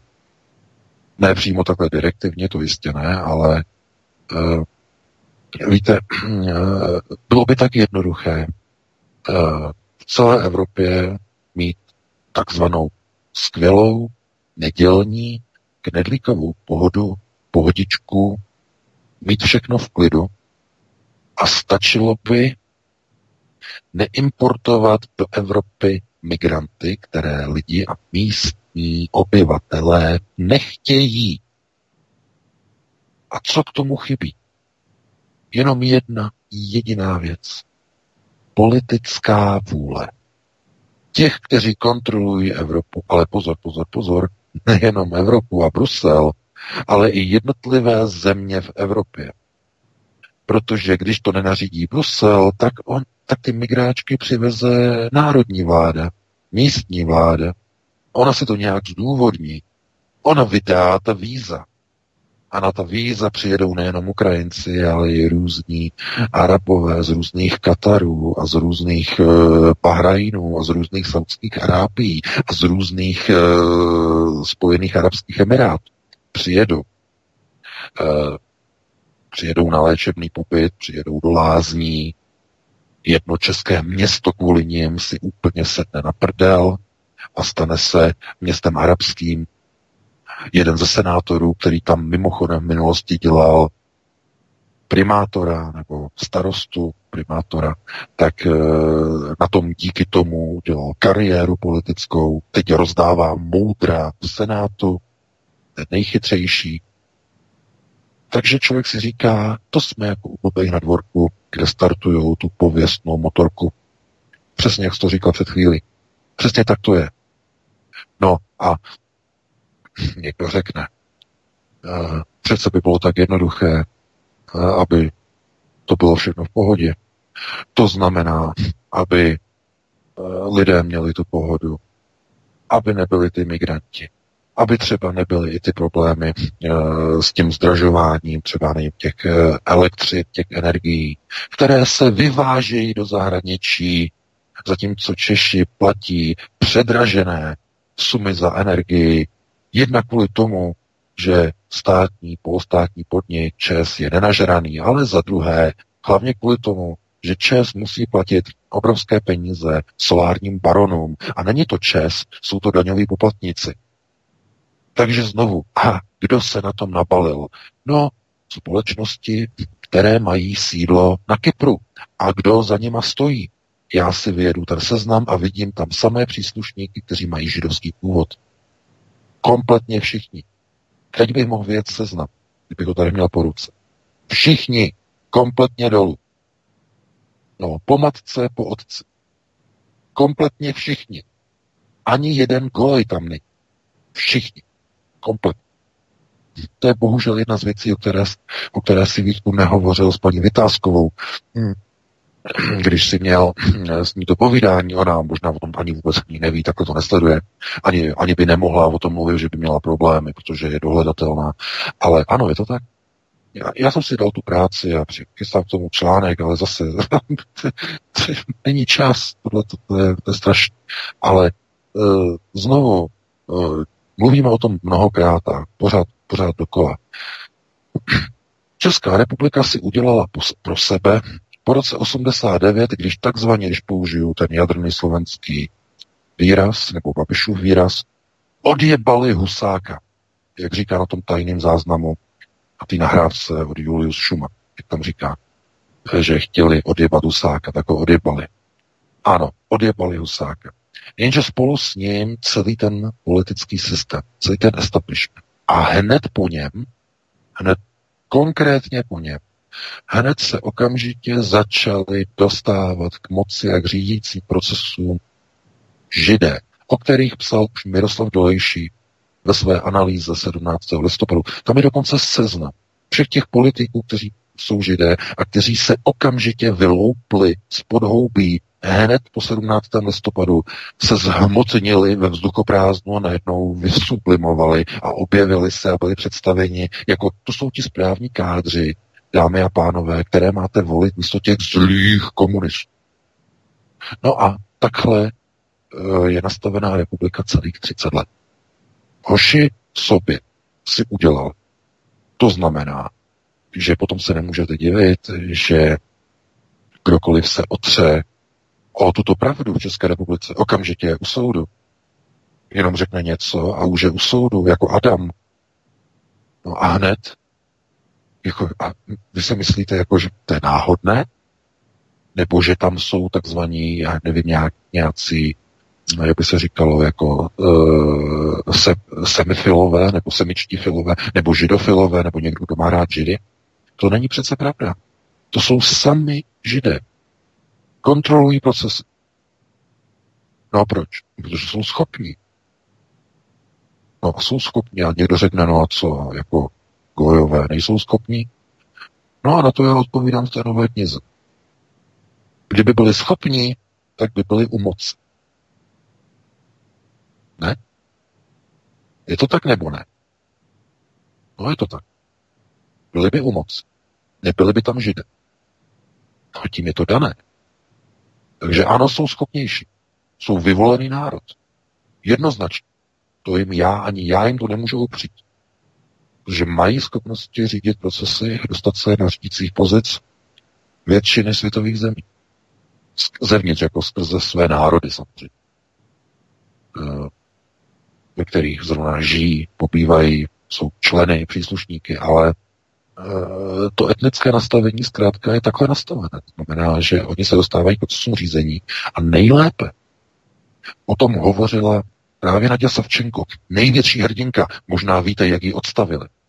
Slyšeli jste teď, v poslední době, o velké hrdince uh, protiruského odboje, uh, která tam běhala se samopolem, největší hrdinka, jí dávali medaile Nadia Savčenko.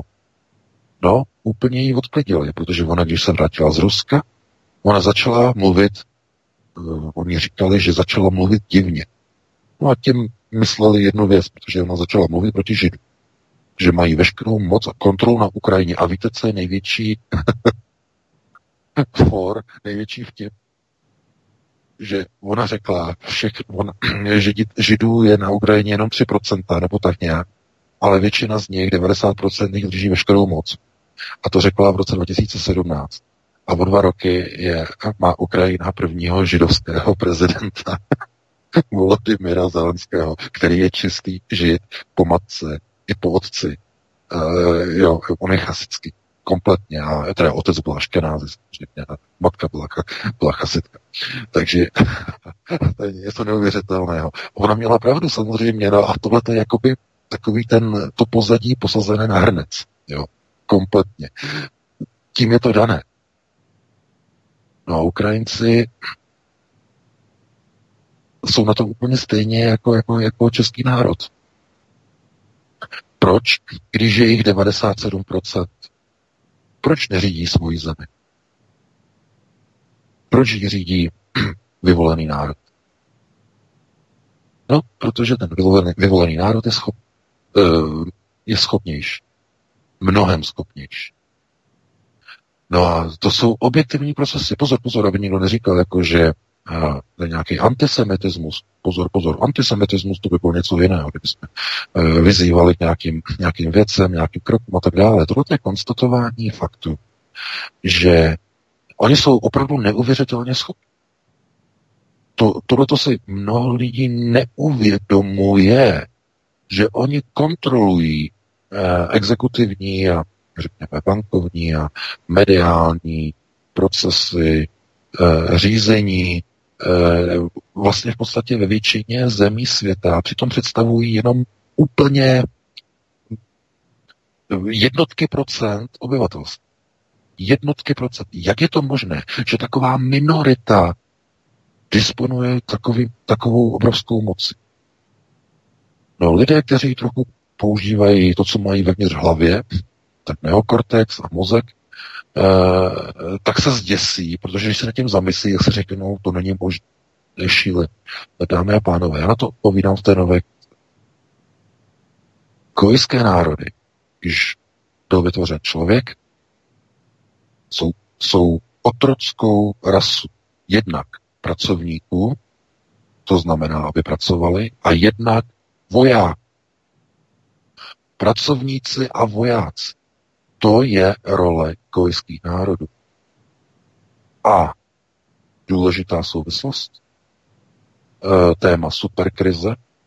Superkrize je okamžik, kdy tyto elity vyvoleného národa již nepotřebují ani dělníky, protože je nahradí roboti, a nepotřebují ani vojáky, protože procesy už běží na vyšších prioritách, než je ta šestka. Co to znamená? No, že bílá rasa, rasa gojů již není potřeba na povrchu této planety. proto musí být zdestruována a takzvaně neutralizována. Je to stejné, jako když vyrobíte nějaký chemický prostředek, nějakou látku, já nevím, na hubení krtku, nějakou nebezpečnou látku, a tady to použijete, tady to použijete, tady to použijete, tam a tam, tamhle máte hotovo, na zahradě jste hotovo, máte hotovo. A ono vám v té láhvi něco zbyde. No jo, ale když to někam postavíte, tak eh, to by někdo mohl vypít a dítě by si to mohlo sebe vylejt a tak dále. To znamená, musíte tu látku zneutralizovat. A proč? No, protože už ji nepotřebujete. Tohle je princip superkrize. A to jenom v kostce, maximálně zhuštěné, eh, co já rozebírám v té nové knize. Eh, ale z mnoha, mnoha jiných úhlů, to historických a ještě e, nacistické Německo a tak dále, a, výzkumy a tak dále, a Majestic a další věci. To znamená, to není jenom o tomto, o čem teď já momentálně, to je pouze důsledek. Já konec konců v té knize vlastně o té superkrizi nebo o těch důsledcích píši úplně až poslední kapitol, až na konci v té knihy, aby lidé pochopili, jakým způsobem se k té superkrizi v historii došlo. To znamená komplexně až dolů, až do současnosti, aby si to dokázali poskládat dohromady. No a potom se divíte, že někdo útočí z nějakých deníků na velkou modulu na člověka, který šířil lásku, který, který šířil pozitivní energii, který byl uh, miláčkem všech, uh, všech lidí dobré vůle, dobrého srdce, uh, že najednou jako proti ně vyvíjejí nějakou nenávist a nějak ho pomlouvají a nějak na něj plivají. No je to logické, protože když někdo zpívá krásné písně Goju, tak Gojové profitují. To je to poslední, na čem by někdo měl dneska zájem, pokud mluvíme o nich. Takže já to nechci takhle roztahovat a prodlužovat a i to povídání. Já ti předám uh, slovo Vítku, ty tomu taky něco řekneš a pustíme se do dalšího tématu. Ty jsi tady VK načal Ukrajinu, tak eh, možná se k ní přímo přesuňme, protože máme už eh, nepříliš mnoho času do 9. hodiny, eh, kdy předělíme další pauzu a vrhneme se na dotazy posluchačů. Takže pojďme na Ukrajinu. Půjdeme se podívat na Ukrajinu. Ještě než se dostaneme ke skandálu s korupcí rodiny Bidenů, tak čistě ukrajinská záležitost. Na Ukrajině znovu vypukl Mejdan ve stínu smrti Karla Gota a nabízí drama. Američané jsou v šoku. Na stole leží podmínka postalců. Ukrajina nestoupí do NATO a garance pro domobranu ohledně bezpečnostní a zahraniční politiky. Zachování dvojitého občanství, široká autonomie, ochrana vodních a těžebních strojů před zahraničními investory, společné bezpečnostní hlídky a zákaz neziskových organizací a LGBT agent v Doněcku i v Luhansku. Steinmeierův plán má přesto naději na schválení, ale může to destabilizovat Kyjev. Navíc eh, přicházejí další drakonické zákony, eh, drakonické pozemkové reformy na Ukrajině, ze kterých doslova přechází zrak. Do rukou soukromých firm se na Ukrajině mají dostat pozemky celé Ukrajiny, miliony státních bytů a celá infrastruktura země. Co se chystá, co se připravuje na Ukrajině v rámci této pozemkové reformy VK a co tam právě probíhá v rámci toho Majdanu? No tak eh, v úterý, když vlastně zemřel Karel Gott, tak eh, došlo ke zkusce eh, zástupců povstaleckých jednotek na východě Ukrajiny, Kyjeva a takzvané komise, nebo řekněme lidí, kteří organizují z Berlína z Moskvy. Bylo tam vlastně jakoby jednání v Minsku, kde se vlastně dohadovali o tom teda, jakým způsobem tu krizi na východě Ukrajiny No a e, Zelenský, který tam byl, tak v podstatě nabídl plán řešení. E, on ho nenabídl sám, protože ten plán řešení leží na stole už čtyři roky, mimochodem. Ale zatím nebo dosud nebyl ukrajinskými prezidenty nebo bývalým prezidentem Porošenkem nebyl akceptován. Je to takzvaný Steinmeierův e, plán urovnání krize. Frank Walter Steinmeier je bývalý tady eh, minister zahraničí a současný prezident spolkový, eh, tak on v roce 2015 eh, vytvořil vlastně návrh na uspořádání vlastně té situace na východě Ukrajiny. No a ten plán říká, že východ Ukrajiny dostane širokou autonomii, na Ukrajině v té východní části proběhnou svobodné parlamentní volby a co se týče vlastně toho, řekněme, bezpečnostního hlediska, tak budou z východu Ukrajiny staženy vlastně celé jednotky nebo všechny jednotky, které tam nepatří e, a de facto bude normalizována situace. Jsou tam nějaké e, v podstatě, dalo by se říct, eh, určité body, které přesně specificky říkají, eh, čeho se má dosáhnout. Co se týče bezpečnosti na východě Ukrajiny, tak by jí měly zajišťovat společné eh, jednotky milicí, polovojenské jednotky složené z místní domobrany a z Ukrajinců. To znamená, to je ta podmínka. A Eh, co se týče eh, vlastně všech dalších věcí, tak ty vůbec v tom Steinmeierově plánu nejsou zohledněny. To znamená, je to první krok, který má v podstatě ukončit eh, jakési střety, válečné střety na východě Ukrajiny.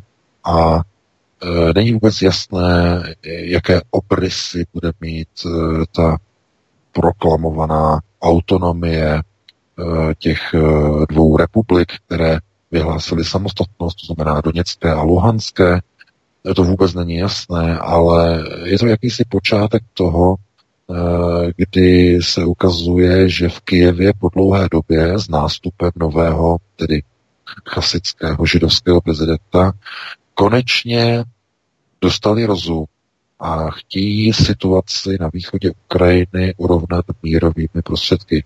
Víte, že dosud to bylo mimo stůl, to bylo naprosto ne, nepři, nepři, nepřijatelné. Petro Porošenko to naprosto odmítal, ten chtěl jenom válčit a válčit, ale bohužel pět let se mu e, nic nepodařilo, nebo ne bohužel, ale bohudík, bohužel, tohleto. E, takže e, zkrátka jejich možnost na vojenské vyřešení byla e, v podstatě jakoby vyčerpána. Za těch pět let oni nedokázali vůbec nic z Kijeva udělat. Takže vypršel čas, vypršel čas Porošenkovi, lidi na Ukrajině už byli otráveni, No a proto bylo rozhodnuto, že bude do funkce prezidenta dosazen takzvaně židovský prezident. A teď někdo říká, jsem si přečetl teď několik článků na alternativě, nebudu jmenovat, abych nekritizoval, ale e, já nesouhlasím s tím, že na Ukrajině byl zvolen proruský prezident. Tím, že on se chce dohodnout jakoby, s povstalci na východní Ukrajině. E, Zelenský není pro boha proruský prezident. To je prožidovský prezident. Konkrétně, musím zdůraznit a specifikovat, on je prochasický. On je pro spolupráci s ruskými židy, tedy s ruskými chasidy, kteří kontrolují Rusko. To je e, zájem i ruského židovského kongresu chasidů, aby došlo k normalizaci vztahu s Ukrajinou. Ale pozor, pozor, pozor, to nemá nic společného s Rusy. To je důležité. To je zase to samé, jako když někdo říká, že to nejsou Slováci, kteří kritizují Kota, ale to je někdo jiný, to jsou oni. Tohle to je úplně to samé. Zelenský není prezidentem Ukrajinců. Ten byl zvolen jako židovský prezident, který má normalizovat vztahy s chasickou Rusy. To znamená, aby zabránil vypuknutí válce s Ruskem. To je největší strach ruských židů o své majetky. To je to důležité. To znamená, vidíte, vidíte ty procesy, vidíte tu absurditu? Dokud byl u moci prosionistický, a on má taky samozřejmě židovský původ, ale zase trochu jiný, on je Chazar, Porošenko je Chazar, e, tak on pracoval pro sionisty samozřejmě. Američané, nasunování amerických zbraní na Ukrajinu, všechno tohleto, málem válka na východě Ukrajiny, ještě druhá, navíc, jak by ta první nestačila. E, takže on tam byl takhle nastavený a nic nefungovalo. Ale odstranili ho odstranili sionistu, to znamená žida s malým že, a dali tam žida s velkým že, dali tam čistokrevného chasida, když to řeknu takhle jako čistokrevný, jako kdyby to byl nějaký chov psů. To ne, ale eh, ano, můžeme mluvit jako čistokrevný, protože eh, že samozřejmě, že po matce i po otci, tak je to stejná, nebo je to čistá rodová pokrevní linie. Oni o tom hovoří, jako že to je, že to je, že to je čistá linie, tohleto, že jako na úrovni jako, jako šlechtická, to znamená šlechtická, jako čistá pokrevní linie, i když co se týče modré krve, tak o té já taky píšu v té nové knize a jednotlivých typech, z těch zajímavostech a stáří krve a tak dále a tak dále. Ale uh, oni teprve, když dosadili do moci, nebo k moci na Ukrajině Zelenského, to znamená židovského prezidenta, který má čistou pokrevní linii, tak on je schopný mluvit uh, s Chabadem. To znamená ten nejvyšší uh, nejvyšší kuratel vlastně židovského kongresu ruského, Chabad. No a měl při své inauguraci, měl inauguraci v květnu, myslím, že to bylo koncem dubna, a byli tam u něho, byli přímo u něho v prezidentské kanceláři zástupci Kabad Lubavič. To znamená nejvyšší zástupci kasy. A předali mu uh, symbol, závazek, na který se slibuje takzvaný slib halachy. To znamená ochrany židovského národa, ochrany Jeruzaléma.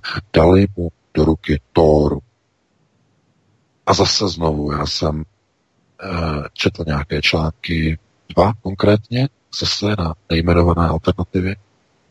A tam zase byla znova chyba, že vidíte, Zelenský tam má uh, v Židy jako na návštěvě při své inauguraci a on, oni, on od nich dostal Talmud. No prosím vás, tak to je chyba. To nebyl Talmud, který on dostal, to byla Tóra. On o tom ještě mluvil, měl o tom rozhovor, že dostal Tóru. Plést si Talmud a Tóru, to je jako plést si hodinky a holínky. To je rozdíl nebe a dudy jsou dva koncepty úplně odlišné, ale pozor, jednoho, řekněme, uh, jedné víry. Ani nechci říkat národa, protože to by byla blasfemie. Oni nejsou národ, oni jsou etniku. Národ by byli, kdyby žili v jednom státě. Takhle to můžeme říct. Jako, jako, jako Češi že žijou v České republice, Slováci na Slovensku, Němci v Německu, národ, že no ale židé, Izrael řekne, dobře, národ izraelský. Je to tak? Není to, není to tak? No, to je na diskuzi, protože v Izraeli žijou eh, němečtí židé, francouzští židé a britští židé a především a především a zejména ukrajinští židé a ruští židé.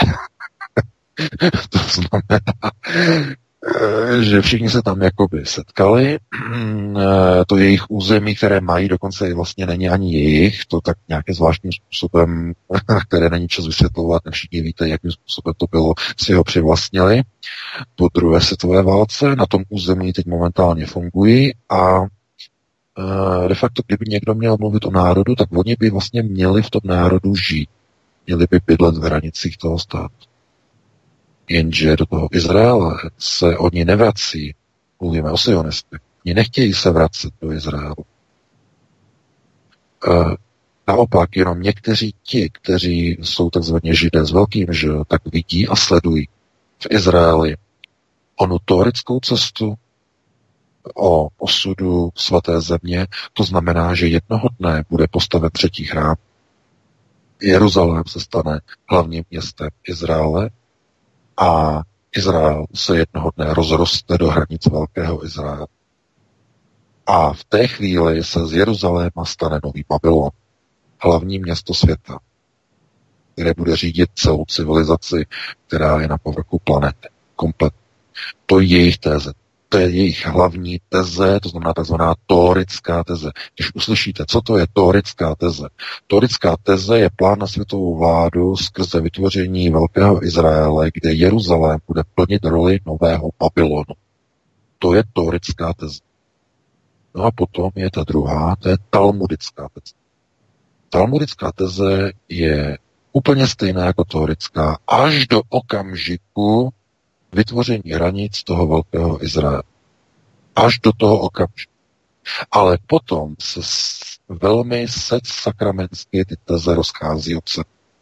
Zatímco teorická eh, teze mluví o tom, že Babylon bude věčné město, eh, tedy Jeruzalém bude na způsob Babylonu věčným městem, takto, tak naproti tomu talmudický koncept počítá, nebo ne počítá, oni to dokonce už vidí, oni to mají v tom proroctví, že v okamžiku, kdy bude Izrael ve velkých hranicích, tak eh, vypukne válka, nad eh, zemí judskou se rozsvítí sedm eh, oslňujících slunci a těchto sedm sluncí sežehne celou, celý povrch Izraele na popel národ bude celý zničen, nebo ti, kteří židé, kteří budou, budou, zničeni, vznikne tím holokaust 2.0.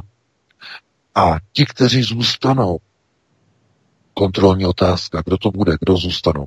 No přece ti židé, kteří nikdy v tom Izraeli nebydleli a nebydlí a bydlet nebudou.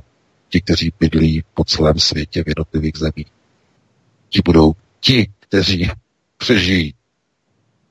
Tak podle toho proroctví právě těmto přeživším Bůh, který se stoupí na úpatí Krámové hory, udělí v náhradě za škodu utrpěnou, za ztrátu svého národa, za svého území tedy, udělí odškodnění uh, vlastnictví nad celou planetu. Hleď, tato hrouda jest tvá, ty, jak budeš na ní vládnout. To je hrouda tvá celá. Kompletně celá. Komplet. Eh, já právě v té knize vysvětluji, jaký je chybný koncept na pohled eh, světového řízení, kdy lidé si myslí, že eh, židé kontrolují planetu, že ji vlastní. Pozor, pozor, pozor, pozor, pozor. To je obrovský omyl. Oni ji nevlastní. Oni jsou správci planety vyvolený národ jsou správci. Je to dané z historie z počátku věku, já o tom píšu v té knize, vysvětluju ty souvislosti, aby nedocházelo nějakým dezinterpretacím a tak dále a tak dále. A oni vědí, že toto nestačí. Proto tam vysvětlují souvislosti z roku 45, uh, project, nebo projekt Majestic 12, uh, co se odehrávalo v nacistickém Německu i na okultní rovině, Eh, proč oni vidí, že nejsou sami, že nad nimi jsou mnohem silnější síly, mnohem silnější entity, které pro ně představují hrozbu, mocenskou hrozbu nad touto planetou. Takže tohleto já komplexně ji rozebírám v té nové knize a jak říkám, je mi strašně líto a lituju teda jako Adama, že s tím má tolik práce, že tam musí prostě lovit některá ta závadová slovíčka a nahrazovat je takovými těmi přijatelnějšími obraty. Eh, já myslím, že lidé to pokopí, že to poznají, ale to kvůli tomu, aby prostě nebyly problémy, protože kniha eh, vychází v České republice, kde jsou přijímány takzvané e, zákony proti a různé usnesení proti různému antisemitismu. Kdyby třeba se jednalo o antisemitismus, tak neřeknu, ale ona je už zakázaná i kritika proti Izraeli a to je něco, co, s čím já se nemůžu jako dát do souladu a souhlasit s tím. Zakázaná kritika sionismu, že ani o sionistech jakože nemůžete hovořit. E, takže já doufám, e, já nechci nic přivolávat, samozřejmě to teď chraň pámbu, to nebudu ani nějak říkat, ale nevím, co ještě dalšího třeba Adam mi pošle za věci, které je třeba upravit, Protože s některýma věcmi bych tam třeba měl už problém eh, to nějak přepisovat, protože už by to byla prostě taková redakce nebo uh, redigování původního nosného obsahu, že už by to nebylo pří, přípustné ani pro mě. Už do takové prostě autocenzury už bych nešel. Už by bylo lepší třeba na to úplně stáhnout, nebo takhle. Ne, to je, já, já to chápu prostě, to jsou, je to, jsou to situace, rozumím tomu naprosto přesně, protože uh, pokud jsou ty zákony nastavené, jak jsou, tak lidé mají strach a uh, znamená svobodné publikování v dnešní době už je jako problém. No, to je samozřejmě.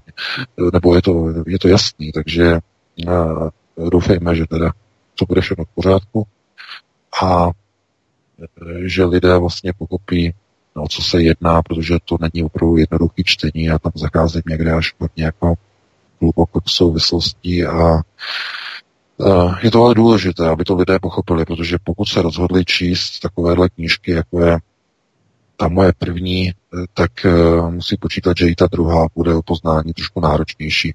Takže uvidíme, no, jak to lidé poberou a co z toho pochopí. Každopádně já ti předám slovo Vítku, máme poslední tři minuty do 21. hodiny, tak jestli ještě něco dodáš, doplníš, jinak bychom si dali přestávku. Já bych už VK dal přijít přece jenom tu přestávku. Bideny bohužel nestihneme Joseph Hunter Bidenovi, což mě teda velice mrzí, a jsem se obzvlášť těšil, co vysílala ruská televize v rámci důkazních materiálů o korupci na Ukrajině. Třeba se na to někdo zeptá v další hodině. Takže dáme si písničku. Šéf redaktor alternativního zpravodajského serveru Ironet.cz pan VK je naším hostem. Posloucháte stále svobodný vysílač, písnička je na cestě a po ní se vrhneme na vaše telefonáty. Takže zůstaňte s námi, počkejte a pokud máte dotaz, můžete už pomalu jít na naše stránky a tady si přečíst telefonní číslo, na které můžete potom volat. Hezký večer. Tak, to byly dvě srdcovky od Karla Gota, pochopitelně. No, eh, Vítku, jste nachystaní? Já jsem nachystaný a na mě to ani tak nezáleží. Spíš mm-hmm. VK, je nachystaný. Určitě. Tak eh, než se nám přihlásí, připomenu telefonní číslo, na které můžete volat a pochopitelně už voláte, dokonce už mám eh, na drátě jednoho z vás, posluchačů, tak jenom připomenu telefonní číslo 774 139 044. To je číslo sem k nám do studia, na které už teď pochopitelně voláte a také čekáte ve frontě, protože tak to zkrátka jinak neumíme. Takže, eh, pánové, jestli jste nachystaní, mohu vzít první hovor. No, můžete, můžete. Já, já myslím, že v kapitalismu se fronty nestojí prý, to se stalo jenom za socialismu na banány, ale uvidíme. No, tak, Vítku, to víš. Dobrá. Na iPhony, na iPhony u Apple se stojí s frontou. Jo, to je uh, úplně na všechno, dokonce je pořadník na auta, takže jako ne, ne to, no. nevidíte to tak růžově. Tak pojďme na to. Eh, dobrý večer, já vás vítám ve vysílání, můžete hovořit. Dobrý večer, tady posluchač Roman, chlapi, zdravím vás, zdravím vás všechny tři. Měl bych dotaz na pana VK. Jestli God je v překladu pán Bůh, tak pro bábičku mu to byl modla, pro matku taky. Já jsem na něm vyrůstal se sestrou, tak je to pravda, že zemřel Bůh? Děkuji, budu poslouchat. No, já děkuji za dotaz, ale jako, jako příjmení se nemůžeme jako přenášet do nějakých souvislostí. Karel Gott.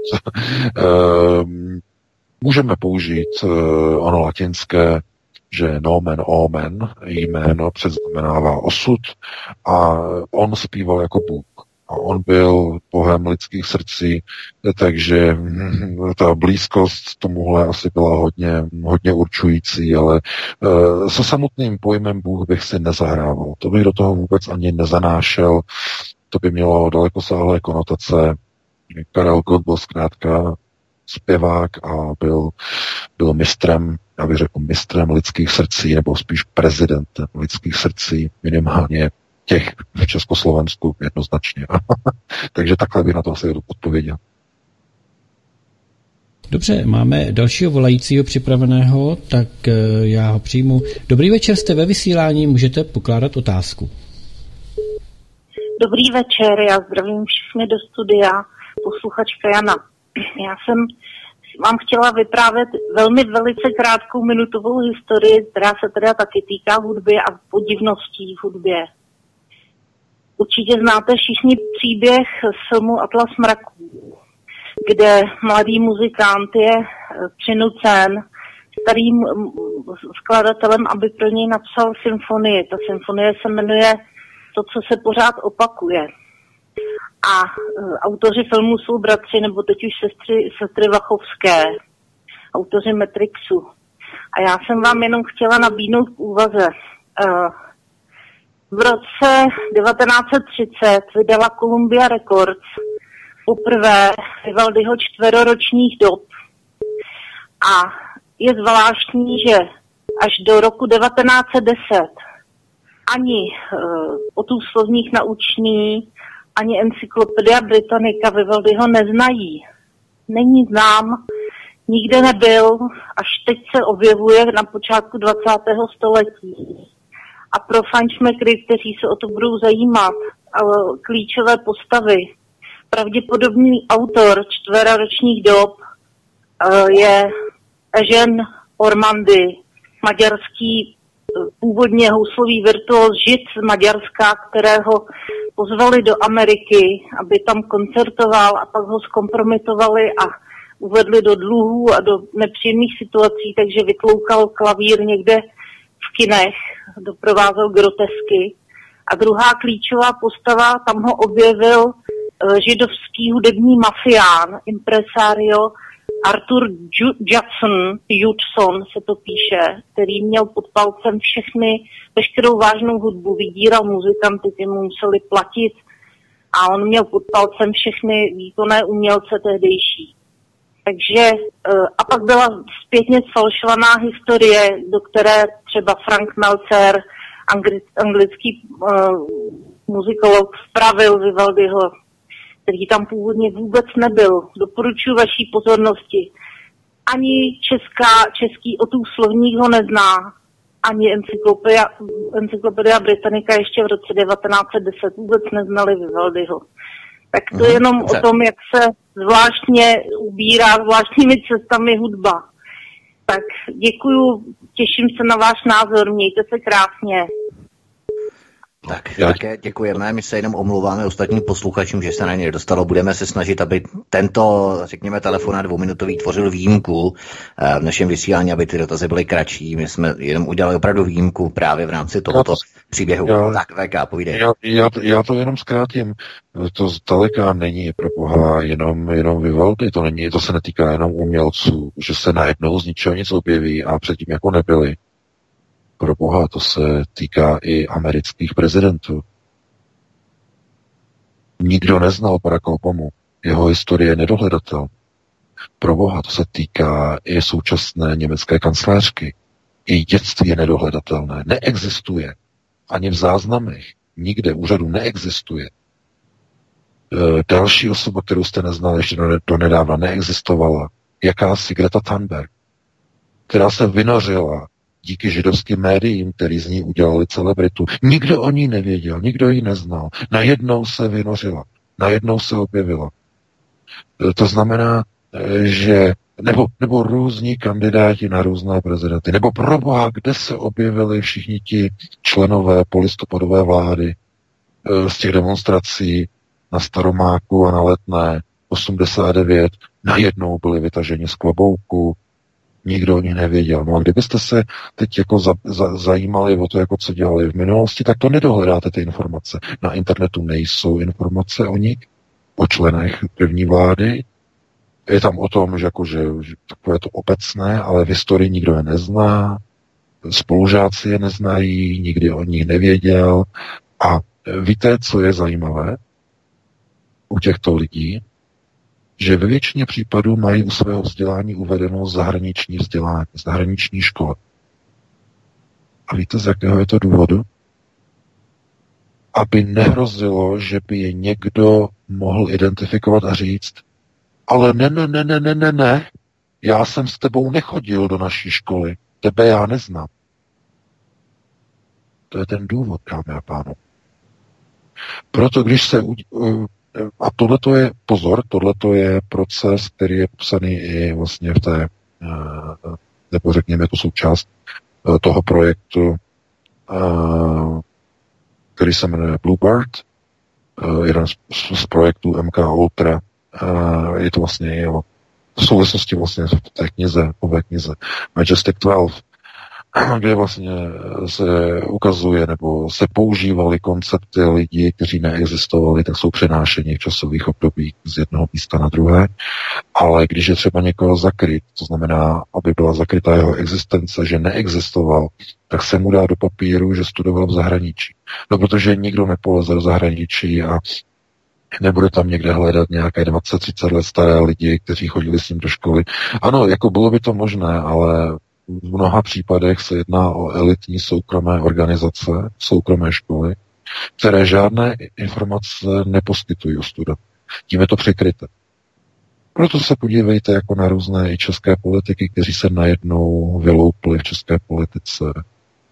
Různí ministři zahraničí mají cizí školy, cizí agenty a na, studovali na cizích školách. A, a jako jak se tam dostali? A proč zrovna tam? Proč ne někde jinde? Proč ne někde v České republice? To, to, chápete? To znamená, když, když je eh, nastaveno, když je určeno, že nesmí být dohledána minulost nějaké osoby, tak se její vzdělání dá do cizy. Bianco. To znamená jako. Ne, teda Bianco není jako, ale um, jakoby, to znamená, jakoby to bylo cizi. Aby nikdo potom nepátral po těch souvislostech. No takhle přesně studoval George Soros. Ten studoval uh, v Londýně, studoval v New Yorku, paní Maláčová studovala v Londýně na uh, univerzitě ekonomické na LSE, potom tady ve Frankfurtu studovala na rotariánské škole. A takhle, a tak dál. Chápete? No a co, dohledatelnost, a co, a studovala, a co, a kdo ji zná? A jak to, že se dostala procesu řízení? A tak dále. To není, já jenom chci říct, že to není o tom, že by, že by nestudovala, nebo že jiní by nestudovali. Pozor, pozor, pozor. Ale jak intenzivně studovali? Studovali opravdu jako day by day, den za dnem, anebo takzvaně jenom třeba skládali zkoušky nějaké rychlokurzy typu plzeňské turbo. Chápete? To, to se nedozví. To se nikdy nedozví. To znamená, e, některé kádry zkrátka jsou dosazeny na ta místa bez ohledu na jejich schopnosti a kvalifikaci. Protože mají původ. Určitý etnický původ, právě ten původ, o kterém jsme hovořili v první hodině uh, a i v druhé hodině. Takže to, přes, to jsou přesně jakoby oni, to znamená kádři. Kádři světových procesů řízení. Všeho schopní samozřejmě. Čím mladší, tím lepší. Ti mladí totiž nemají zkušenosti. Díky tomu poslouchají. Co se jim řekne, to udělá. I když je to ta největší prasárna, protože nemají zkušenosti, takže to udělají. Takzvaně. No a proto také uh, to lidé vidí a proto také tyhle ty procesy eh, řízení takhle fungují. Takže to bychom mohli dlouho rozbírat, tak já bych jenom paní, abych to uzavřela, nezdržoval, jenom, jenom zopakuji, že to není zdaleka jenom, jenom Vivaldy, to jsou dokonce i politici, kde u nich eh, před nějakou dobou, nějakým časem vůbec není nic dohledatelného a objevili se teprve až někdy najednou z ničeho nic v nějaké konkrétní časové době. Já bych jenom doplnil opravdu drobnost, že to se málo ví. Pavel Fischer, jeden z kandidátů na prezidenta v lednu 2018, tak ten studoval stejnou univerzitu v Paříži, v zahraničí v Paříži ve Francii, jako Emmanuel Macron. Mimochodem, jo, to je taková perlička k tomu, co si VK říkal hodně tomu studiu v zahraničí. To, to, to, že se přesně tak, to je přesně ono. To znamená, oni přesunou systémy vlastně řízení jako do zahraničí a uh, systémy studií do zahraničí. Mm, ty elitní univerzity jejich, přesně. I ty elitní, aby prostě, protože doma by to lidé mohli kontrolovat, chápete? Protože spolužáci, mimochodem víte, z jakého důvodu uh, globalistický server Seznam.cz zrušil server spolužáci.cz. Jak ukončil provoz serveru spolužáci.cz. To si možná vzpomínáte, je to asi půl roku stará kauza. No to byl server, pokud to neznáte, jenom rychle připomenu, že server spolužáci.cz byl server, který uh, vlastně umožňoval lidem se kontaktovat, uh, jakási obdoba kvazi po Facebooku, ale zaměřená čistě jenom na školy a školní třídy. To znamená, to bylo, to bylo velmi zajímavé, no a seznam ukončil provoz toho serveru z nějakého důvodu. e, náročný na provoz rozhodně nebyl, ale prostě to ukončil. No a proč? Proč? Kontrolní otázka. No protože by se mohli lidi dozvědět od těch lidí, hele, já vás kontaktuji, k vám chodil, měl chodit tenhle ten politik. Chodil k vám, znáte ho, jaký byl, co? No a ti lidé by řekli, k nám nikdo takový nechodil.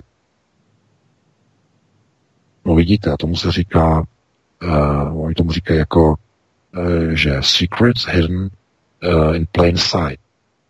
To znamená tajemství schovaná přímo před vám. To znamená, vidíte to, díváte se na to, je to kryté a nevidíte to.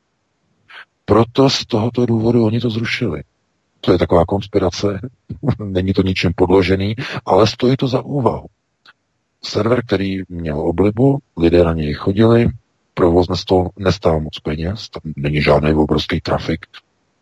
My jsme ne, klidně na Aeronetu utáhli takovou aplikaci bez problému. E, a oni to zrušili. Jo? Takže mě to tenkrát překvapilo, si říkám, jako, tak proč se toho zbavují, proč to končí. No ale ono se ukazuje, že ono to má důvod. Protože někdo by mohl začít čmuchat. No a takhle je to, dámy a pánové, s daleko více věcma, než si jenom dokážete představit. Takže takhle bych to jenom uzavřela. Pustili bychom to, pustili jsme dalšího volajícího, pokud máme teda. Máme, já jenom takovou poznámku VK. Ono to také bylo proto, že ta aplikace nabízela určitou automatickou e, odezvu. To znamená, tam, když se zadala určitá třída, tak to tam potvrzovalo ano, ne a v podstatě se tam dali dávat dohromady ty seznamy lidí. Jo. Takže a. E, to byl ten důvod hlavní. Tam se nemusel nikdo nikoho dotazovat, systém odpovídal. Byl ano, propojen, byl propojen s archivama. Bylo to propojené, takže to bylo vlastně ještě o to nebezpečnější. Ano, přesně tak. Jasně, to si můžu dát jméno politika, ale tě mohla by byla no, škola no, no. CT masakr. No, přesně jasně. tak. Máme volajícího, takže dobrý večer, eh, máte tyko prostor, abyste položil svou otázku? Eh, dobrý večer, eh, zdravím pana VK. Já mám takovou otázku, ale spíše prostě bych chtěl říct, jako není, není to prostě celé jako takový ten židovský teátr, kde jako divadlo, je to to divide and conquer, prostě rozděla panuj, jo, to oblo ebchao, jo, jakože řád eh, z chaosu. A mě spíš prostě zajímá jako názor pana VK, co se týká já jsem byl, já jsem byl prostě v, v kultu Vladimíra Vladimiroviče Putina ještě před dvěma lety. Kultu, vylužně v kultu, jako, jo, jako, že ten slovanský hrdina nám, křesťanům, jakože pomůže a tak dále prostě, jo, ale eh, jaký má názor pan VK na jeho velice vřelé vztahy s Izraelem, velice vřelé vztahy s Bibím Milinkovsky, s AK Netanyahu, a jaké, jaké prostě tady to celé dělání té hrvábné stezky, ten Belt and Road, jo, Čína, Rusko, Izrael. A prostě pro mě, pro mě si myslím, že ta zásadní věc prostě tady je Izrael. Zásadní věc jsou tady technologie, ty technologie, ať už vojenské, nebo ty high-tech technologie, co se týká čipů, které jsou kradené, nebo dneska vlastně už dávané spojenými státy Izraeli.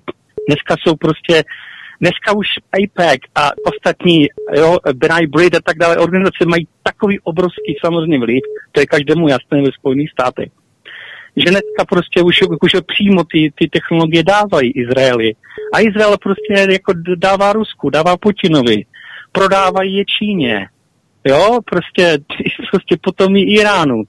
Je to, to, to celé vytvořené. A to je jako tím, že hmm, jestli já jsem, já jsem třeba říkal VK kdysi dávno, ohledně Talpiot program, Talpiot, T-A-L-P-I-O-T, Talpiot program, jo, to je ten Unit 8200, to je prostě m, izraelská armáda, jo, jako jsou ty mm-hmm. specialisté. Můžu, můžu jo. jenom, aby se dostal na další. Takže vaše otázka je, jestli to je jenom divadlo. Ne, ne, ne, ne jako, já, bych to chtěl, mm-hmm. já bych to chtěl jako doříct, jo. Tady se jedná o to, že ty firmy, jako, jako, jako, je ano, Intel, Intel, Intel, Amazon a tak dále, že prostě vyvíjejí v Izraeli, že prostě ten Bibi má ten kill switch, že může, že může cokoliv prostě udělat. Mě, mě, mě jde o to, jaký má názor, co se týká jako se týká jako, jako Putina, protože prostě co jako Putin ne, nedělá, že Dobře, si, takže tam pomáhal. Dobrý, jako ota, děkujeme, ota, děkujeme. Ta, ano, no, jaký je názor na Putina? Otázka je jasná. Jasně, děkujeme. no, tak dobré. Díky, až dobré, se dobré, no. Tak se mějte moc hezky taky. Ale zase, že to bude dlouhé, opravdu zkus Dík za pochopení. Ne, nebude to dlouhé. No, jasně, ale je to naprosto jako zásadní, protože Čína, Rusko, Izrael. prosím tě. Tak, můžeš VK. Bude to velice krátké. Já jsem to říkal několikrát. Co je dovoleno Židovi, není dovoleno Jovovi. Když se podíváte, co je dovoleno Izraeli, anexe cizího zemí, anexe Golanský výšin, plánovaná anexe západního břehu, části západního břehu. E, světové společenství mlčí, je mu dovoleno úplně všechno. Co je mu dovoleno? Je mu dokon, dovoleno dokonce útočit a bombardovat ruského spojence. Je mu dovoleno Izraeli bombardovat syrskou armádu Bašára Asada, přestože je to spojené s ruské armády. Hned vedle ruských základen. A Rusko nemůže zasáhnout. Pozor, pozor, pozor. Ruská armáda nemůže zasáhnout. Má zakázáno přímo z Kremlu zasáhnout proti izraelským stíhačkám. Není dovoleno v Izraeli sestřelovat ruskými systémy, protivzdušními izraelské systémy. Není dovoleno. A když došlo k sestřelu minulý rok, bylo to minulý rok, myslím, že ano. Na jaře, ano.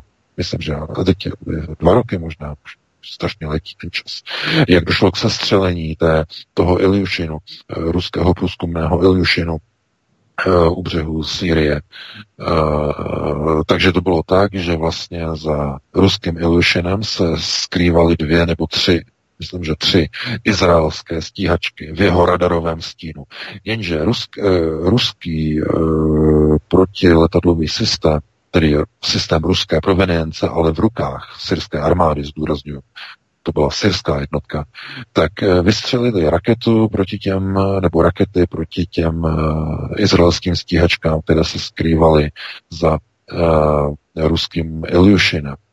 No ale protože je to ten systém S-200, je zastaralý, který tam měli, no tak uh, ta raketa omylem místo těch eh, stíhaček izraelských, které byly skované za Ilyushinem, tak se střelili ruský Ilyushin.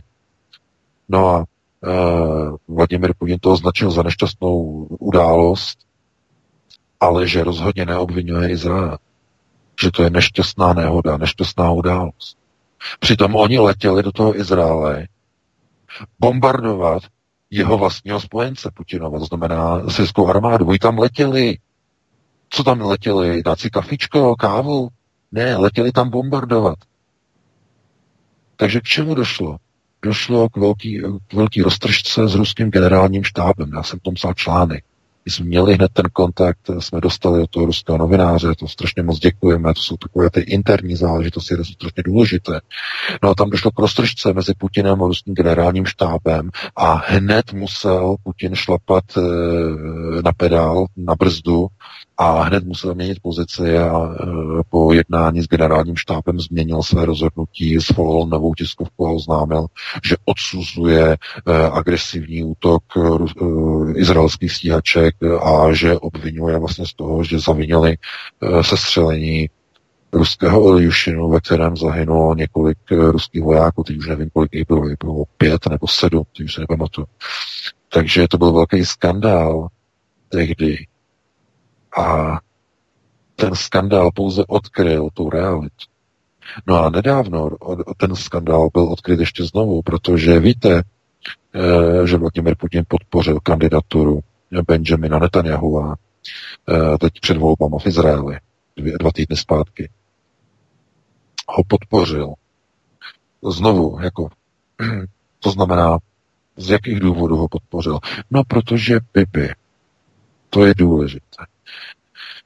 Bibi je jedna ruka s Lvem Levievem, šéfem Evropského židovského kongresu, který je pravou rukou Vladimira Putina v Kremlu a je hlavním architektem ruského státního rozpočtu spolu s Michailem Friedmanem, který je pro změnu šéfem Alfa Bank. Tím je to dané. To je ta souvislost. Proto víte všichni přece, jakým způsobem přišel Vladimir Putin k. Uh, byl přiveden uh, v srpnu v roce 99, byl ukázán a přivedl ho do Kremlu kdo? Lev Leviev. Přivedl ho a ukázal ho Boris Jelcenovi. Toto je tvůj nástupce, Boris. Mu řekl Leviev, podív, že pasmatry, že toto je tvůj nástupce. To znamená, že kon- kontroloval i Jelcina, dámy a pánové. Lev Levě. nejdůležitější osoba v Rusku. On je nejvýš, pod ním je teprve Putin, dámy a pánové.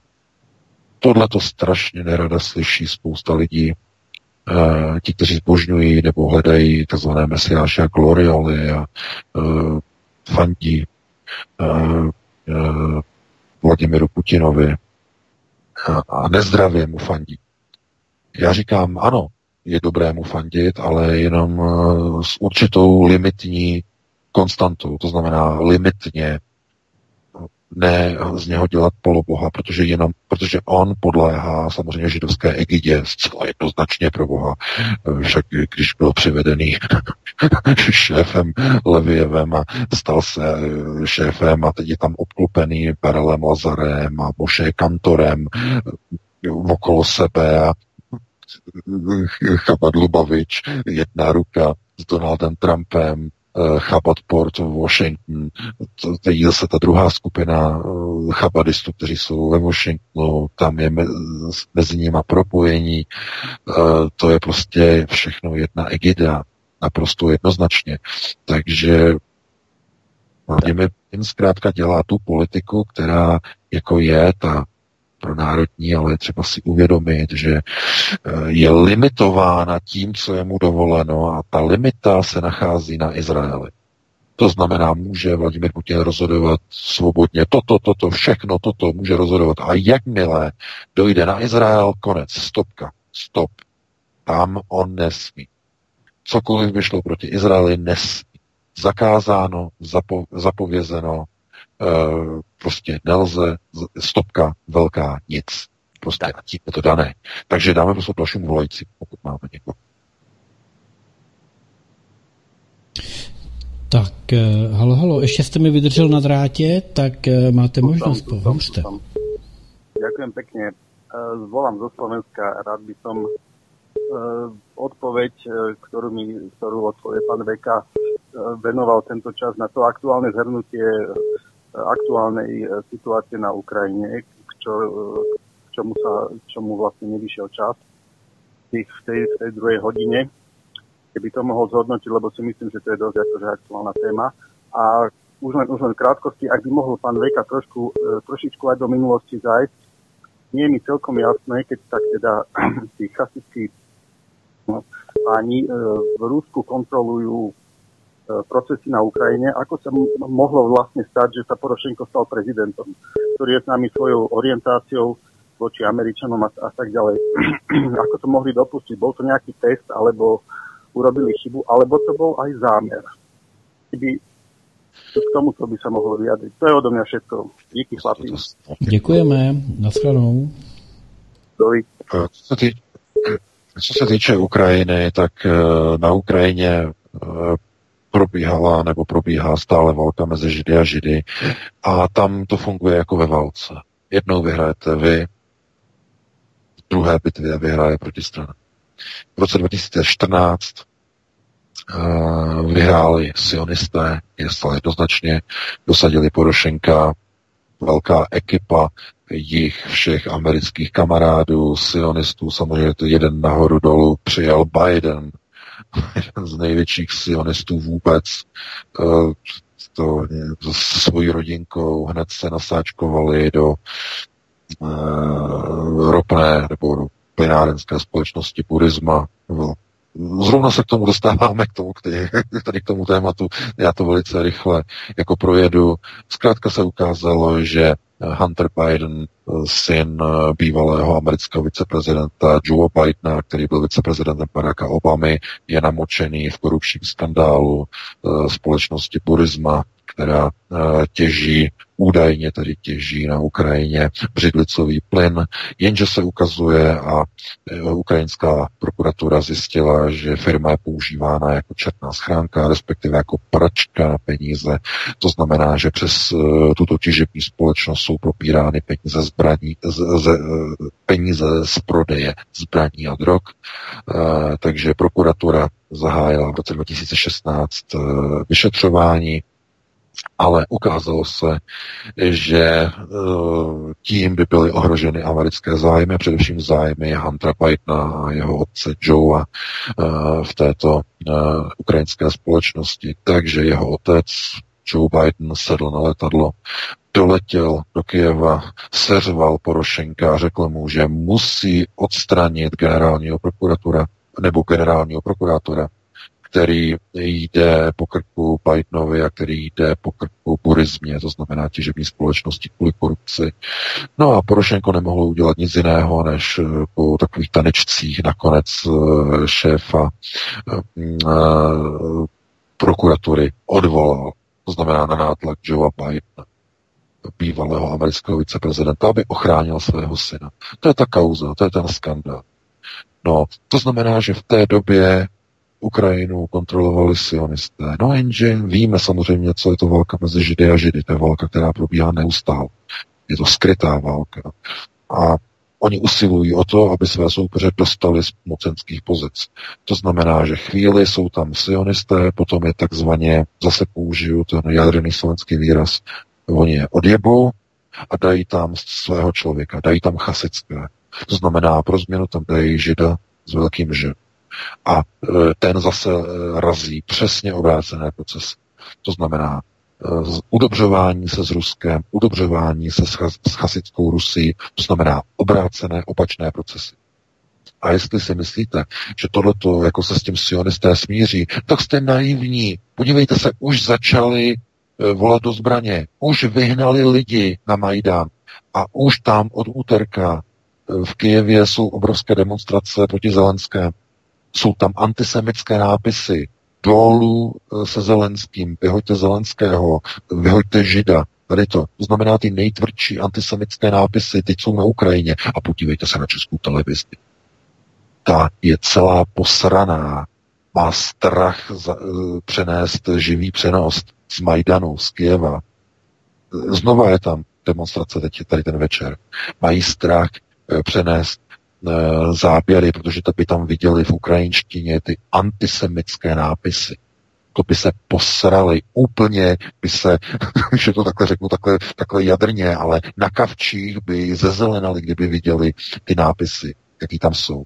To znamená, a kdo to kontroluje, kdo to organizuje? No, no sionisté. Sionisté dají ukrajinským gojům do rukou transparenty s antisemickými nápisy. to je to chucpe to, oni to organizují. Oni jim dávají do ruky antisemické nápisy. To znamená, že jde s malým žil, vyrábějí antisemické transparenty a dávají je gojům do ruky. Aby to neměli oni takzvaně na triku. A pošlou je uh, demonstrovat proti židovi s velkým ž, proti chasickému. A takhle fungují války mezi ž a ž. To znamená, co je ten goj? Kdo to je? No to je ten debil s odpuštěním který nechápe procesy řízení, který nechápe, že se ve válce mezi žáži nikdy, nikdy nesmí postavit na jednu nebo druhou stranu židů. Protože jinak skončí jako debil s antisemickým transparentem na náměstí.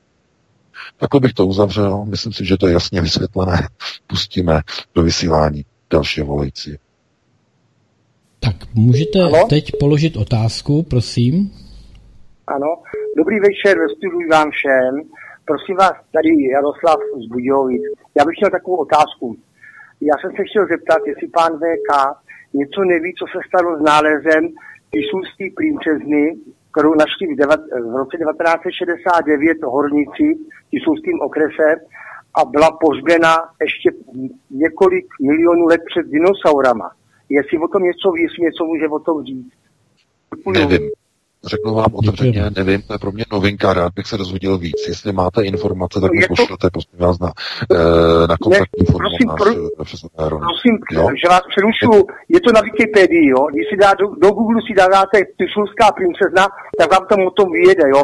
A mě právě zajímá jenom, co se s tím nálezem stalo, protože tam popisují, že se to muselo všechno že tam přijela nějaký helikoptéry, obsadí to vojáci a všichni, co jsme měli s tím do styku, tak pomřeli. Je to na Wikipedii a je to i normálně na Google, co zadáte. Hmm, a mě děkujeme, zajímalo, ale už to pan Veka zodpověděl, dejte prostor ostatním. Děkujeme. Jasně, promiňte, děkuji, Mhm, naschle. díky, naschle. Naschle.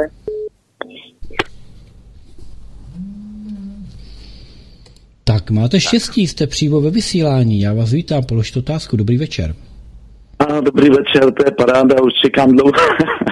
Eh, Ruda z Německa, původně z Písku. Eh, Teď neposlouchal jsem dneska váš pořad, protože jsem se akorát vrátil z Francie z, eh, trošku z vejletu. A našel jsem teď ve zprávách, že Angela Merkelová dostala cenu Das ist a to je jedna věc. A druhá věc, pustil jsem si akorát uh, YouTube a tam Wehrtechnik Museum ukazuje letecké Erich B. 33 vítězných uh, sestřelení, letí po 74 letech ještě jednou Messerschmitt, je tam asi 1300 like a jsou tam zajímavé věci. Pravý hrdina nosí svoje vyznamenání a je na něj hrdý, tak je to správný.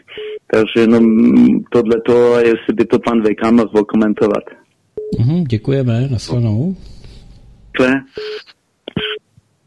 No, tohle to, ano, samozřejmě, protože YouTube uh, dělá vlastně tu selekci, to znamená, typuje vlastně, co by vás mohlo zajímat i podle vlastně geolokace a nabízí vám, uh, co byste, ne, co byste chtěli vidět, ale nabízí vám, co byste měli podle názoru Google vidět. No a potom se nemůžete divit, že tam vidíte oslavná videa na německé stíhací piloty, protože však já taky, když jdu na YouTube, tak taky mi to tady vyskakuje. Akorát, že to není o letadlech, ale je to o tankových esech. Jako, za esa. Wehrmachtu. Takže no Google, no algorit, algoritmy Google a YouTube jsou skutečně také na, velmi zvláštním způsobem nastavené, no a je to asi účel, to účelové. Mě to nepřekvapuje, takže jako já k tomu řeknu maximálně to, že všechno, co vlastně probíhá, tak Německo podepsalo Achenskou smlouvu, no a tím je to dané. To znamená budování nové Evropy, nové, to znamená, dojíte si rovnítko nové říše pod německým velením samozřejmě a vedením. Tak je to dané. Takže tady to bychom ukončili a dali bychom prostor dalšímu volající, pokud tady máme někoho. Tak já vás vítám ve vysílání, položte otázku, dobrý večer. Dobrý večer, tady posluchač z východních Čech, zdravím vás všechny tři pánové a mám takovou, ta, takový, takový dotaz zároveň a ta, ta, takovou, jak bych to řekl, otázku a postřeh takový. Krátkej přítelkyně byla asi před týdnem v Izraeli na dovolení a my, co se zajímáme takhle o ten chemtrails a o tyhle, ty, o to sprejování oblohy a tak, tak říkala, že za celý týden, co tam byla, bylo krásný nebe modrý a za celý týden neviděla jedinou čáru na, na nebi nad, nad Izraelem, prostě nad těma městama, Tel Avivem, nad Jeruzalémem, všude, kde probíhají.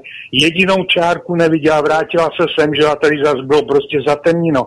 Chci se zeptat pana VK, jestli to má nějakou souvislost, jestli víme teda tak nějak odkud vítr asi vané a e, jestli e, ten národ vlastně jakoby izraelský to nějak řídí tohleto a vlastně nad svým územím si nic takového nechce, nechce prostě, jako bych řekl, zasvinovat svoje území těma, těma těžkýma kovama. Jestli to má nějakou spojitost s tím taky. Takže tohle bych se jenom chtěl zeptat a děkuji a budu poslouchat. Děkujeme. Naschledanou. No, já děkuji za dotaz. No samozřejmě, že to je souvislost. A co se týče geoinženýrství, tak o tom hovořil šéf CIA v tom videu. Jsme udělali uh, titulky, jsme měli na Aeronetu, tam určitě najdete to video s tím, já teď si nemůžu vzpomenout na jeho jméno, na jméno toho šéfa CIA, který tam hovoří o nových koncepcích vlastně řízení počasí na planetě a mluví tam o geoengineeringu a o používání různých chemických směsí na moderování atmosféry, to znamená, on to tam přímo přiznává. Co se týče Izraele, že někde třeba máte letiště a nevidíte vůbec žádné čáry, tak to má samozřejmě svůj naprosto jasný, klasický, typický důvod. To znamená, tam, kde nejsou chystány procesy řízení pro tzv. exodus, to znamená, řekněme, příprava podmínek pro tzv. exodické umístění, tak tam se žádné chemtrailování neprovádí. No a sionisté víte, co plánují provést z Izraele. To znamená talmudický koncept, jeho likvidace, zničení. Proto nad Izraelem nenajdete žádný chemtrails. Izrael není určený k záchraně. Urče, eh, Izrael je určený k likvidaci. Proto si všimněte, že nedochází žádnému ketrilování ani v oblastech uh, rovníků, v oblasti, kde je to už naprosto zbytečné. Tam už se nic neřeší. Tam je hotovo, takzvaně. Tam není důvod. Ale chemtrailují se pouze severní oblast. Severní oblasti, kde podle kapitoly 6 bude uh, nasunuto, bude nasunuta jedna miliarda lidí, zbytek civilizace. Takže eh, tohle to jako je jedna ze souvislostí, ale vyžaduje uh, komplexní studium těch tlustých knih, nebo minimálně těch knih, které vlastně v podstatě pojednávají jednak tedy o takzvaném geoengineeringu, znamená o moderování počasí, ale i těch knih, které samozřejmě občas taky si můžete přečíst a stáhnout ode mě, pořídit u Adama na obchodě. Takže uh, myslím si, že co se týče vlastně tady těch procesů moderování počasí, tak my jsme o tom už jednou, myslím, hovořili tady na rádiu, to už někdy to bylo. A eh, to je vykoupeno strašlivou daní, protože eh, ty látky, které se rozprašují, tak obsahují těžké kovy, samozřejmě na odrážení slunečních paprsků, takzvané globální stmívání globál, nebo globální zatemňování, je to za vysokou cenu. A z tohoto důvodu, protože to všechno spadne dolů, tak je omezována i dešťová srážka. Znamená, dešťové srážky jsou omezovány na vybraných území, aby tolik nepršelo. Protože by se to dostalo velmi rychle do potravinového řetězce a do vody, až příliš. To neznamená, že by se to nedostávalo vůbec. Z tohoto důvodu se potom lidé diví, že dochází ke zvyšování různých civilizačních chorob, Alzheimerovy choroby a Parkinson a různé autismy, různé Aspergery, různé mentální poruchy, různé alergie, obrovský nárůst alergií. No to je samozřejmě způsobené ze skontaminované vody a kontaminace potravin, plodin zemědělských samozřejmě, protože co vypustíte nahoře, tak dříve či později musí spadnout dolů. To je naprosto jasné. Nicméně důvod pro tady to globální zatemňování je naprosto zjevný a e, oni zkrátka vědí, že některé procesy jsou nastavené takovým způsobem, jakým nastaveným jsou. To znamená, nesmí být takové intenzivní sluneční záření nad Evropou, jako je nad Tel Avivem. To není dovolen, není připuštěn. Proto tam neprobíhá chemtrailing, protože tam se počítá s jinými procesy a e, Evropa je jiná, Severní Amerika je jiná, vlastně celá severní polokoule. Konec konců si se podívejte, že se práškuje i nad Ruskem, obrovské mohutné uh, chemtraily nad Moskvou, nad Leningradem, nad Voroněží. Obrovsky se práškuje uh, v Rusku. Eh, takže zase to není tak, jako, že uh, by oni neviděli, co dělají. Je to samozřejmě se souhlasem Vladimira Putina, že on je seznámený s tím, proč se to dělá, z jakých důvodů, no a tím je to dané. Ale na to nemáme teď čas o tom povídat. Musíme pustit dalšího volajícího do vysílání, pokud teda máme. Jenom připomenu, že s šéfem CIA, který na Council on Foreign Relations, čili výbor pro zahraniční vztahy, přiznal, Eh, existenci programu Chemtrails na rozprašování chemických látek v atmosféře nad celou planetou v rámci globálního inženýrství, tak eh, to byl John Brennan, jenom abychom ty věci uváděli na pravou míru. Přesně je to na Aeronetu, eh, ten článek přímo z titulky v rámci toho videa, takže to je jenom na margo nějakých, co byste se chtěli nás opinovat z dezinformací a tak dále. To video je prostě k dispozici. Tak, půjdeme dál. No, Petře, tak prosím otázku, jsme ve vysílání. Ano, dobrý večer, zdraví Petr Luft, zdravím všechny v rádiu a mám takovou otázku, která vychází z poznatku, taky technického poznatku. Já na svých cestách okolo Plzně v poslední době jsem zjistil, že tady se provádí eh, v podstatě paralelní vedení 110 kV eh, směr západ, východ, východ, západ. V souvislosti s, s věcmi, jako je elektromobilizace, o omezování zdrojů, zejména v západní Evropě, teda konkrétně v Německu, eh, zdrojů jaderných elektráren a odkázání na, na, na spolenutí se na alternativní zdroje, Eh, a spojitosti s tou elektromobilizací, což je v kontraverzi, tak najednou tady v České republice se staví paralelní 110 vedení, což eh, jak si evokuje otázku, eh, jestli to náhodou není v tom smyslu, že už je rozhodnuto, že teda tady ten zdroj v Dukovanech nebo v Temelíně bude dostaven a proto se tady staví posílení té sítě, aby se mohla hrnout energie východ-západ, potažmo může to být napojení třeba až někam na Ukrajinu a dál a dál a uh, harnout energii na ten západ, který si uh, tak jak si uh, zpívá o té elektromobilizaci a, a pod, bude potřebovat energii, kterou mít nebude. To je moje otázka. Takže budu poslouchat. Mějte se Děkujeme. Vůbec mě to nepřekvapuje, to je projekt Česu společně s Maďarskem a Rumunskem na dovoz energie z Rumunska. Byl o tom dokonce článek na mainstream asi před půl rokem, že se chystá nová přenosová soustava z elektráren v Rumunsku sem do Německa. No, takže to je...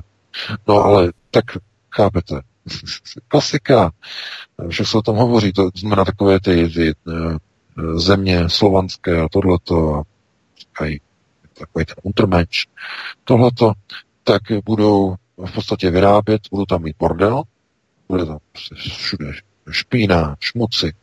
Tohle elektrárny budou čoudit, eh, jaderka pojede, tohle to všechno pojede, všechno pojede, no a elektrika půjde tak v uvozovkách čistá, poleze se do Německa. No a vy budete v České republice platit za kilowatt hodinu jako mourovatý.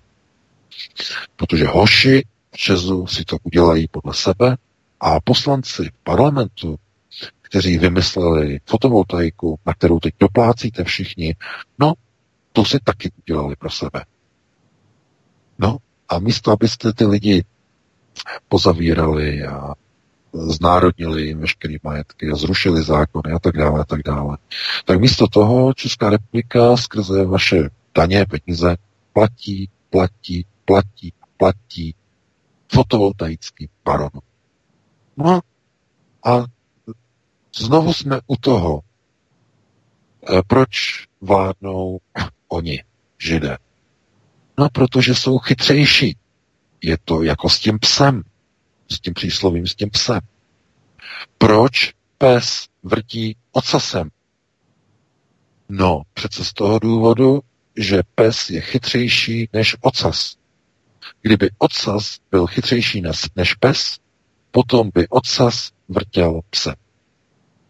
A takhle to funguje s goji a s židy. Kdyby gojové byli chytřejší než židé, vládli by gojové. Vládli by židů, té menšině. Vzhledem k tomu, že to tak není a židé jsou chytřejší, tak židé, ačkoliv jsou v menšině, vrtí pse tím je to dané. Takhle skepticky eh, se to dá jenom vyjádřit a jinak ani nemohu. Protože když se nad tím zamyslíte, je to pláči, ale bohužel je to realita. Takže dáme prostor k dalším volajícím. Tak eh, jste ve vysílání, položte otázku. Dobrý večer. Dobrý večer, tady Jaroslav Ostrava. Já bych se chtěl zeptat pana Veke, pana Veka na, co si myslí o televizi Barandov a hlavně o těch, eh, samozřejmě o těch pořadech, co tam vysílá Jaromír Soukup a jestli to podle něho má nějaký opoziční význam a jestli to je podle něho mainstream nebo alternativa. Dobrý, to je asi všechno. Mhm, děkujeme. Naschledanou. Naschledanou. No, já děkuji za dotaz. E, co se týče televize Barandov, no tak e, to je podnikatelský projekt, jako de facto každý jiný mediálně nastavený, který uh, se de, de facto jako by definoval jako hodně nastavený jako do alternativy, to znamená jít proti mainstreamovému proudu. To znamená, vycítili vlastně ten potenciál, že dávat prostor alternativním politikům, dávat prostor lidem, kteří na mainstreamu nejsou vítáni, je zajímavý podnikatelský projekt, který přitáhne pozornost diváků, eh, takže je to využití eh, tržního prostoru, podle mého názoru. Jako jo? Eh, protože jako nevím, jestli do jaké míry je tohleto pojato altruisticky ze strany pana Soukupa, který je biznesmen, tvrdý biznesmen. Že zrovna takový tvrdý biznesmen by byl velkým fanouškem alternativ. Jo.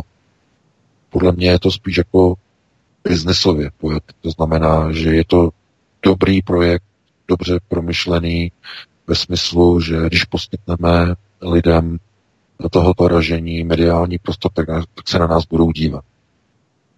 No, chápete, já bych, já bych věřil nějaké takovéhle televizi, že altruisticky alternativní ve chvíli, když by třeba na takovou televizi vedl vlastnil nějaký opravdu známý alternativec.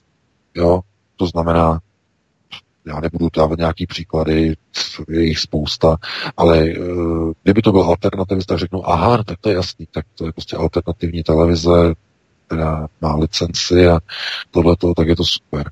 Ale ve chvíli, kdy uh, prostě alternativu dělá miliardář, tak to je takový trošku zvláštní. Neříkám, že to je vyloučený, tak jsou i bohatí lidé, kteří byli pro národně ukotvení. Konec konců mluvili jsme dneska o jednom z největších, že, Karlu Gotovi, který rozhodně nebyl žádný chudák, eh, co se týče peněz, eh, a ani co se týče charakteru samozřejmě. Co, ale mluvíme teď o penězích, hlavně o penězích.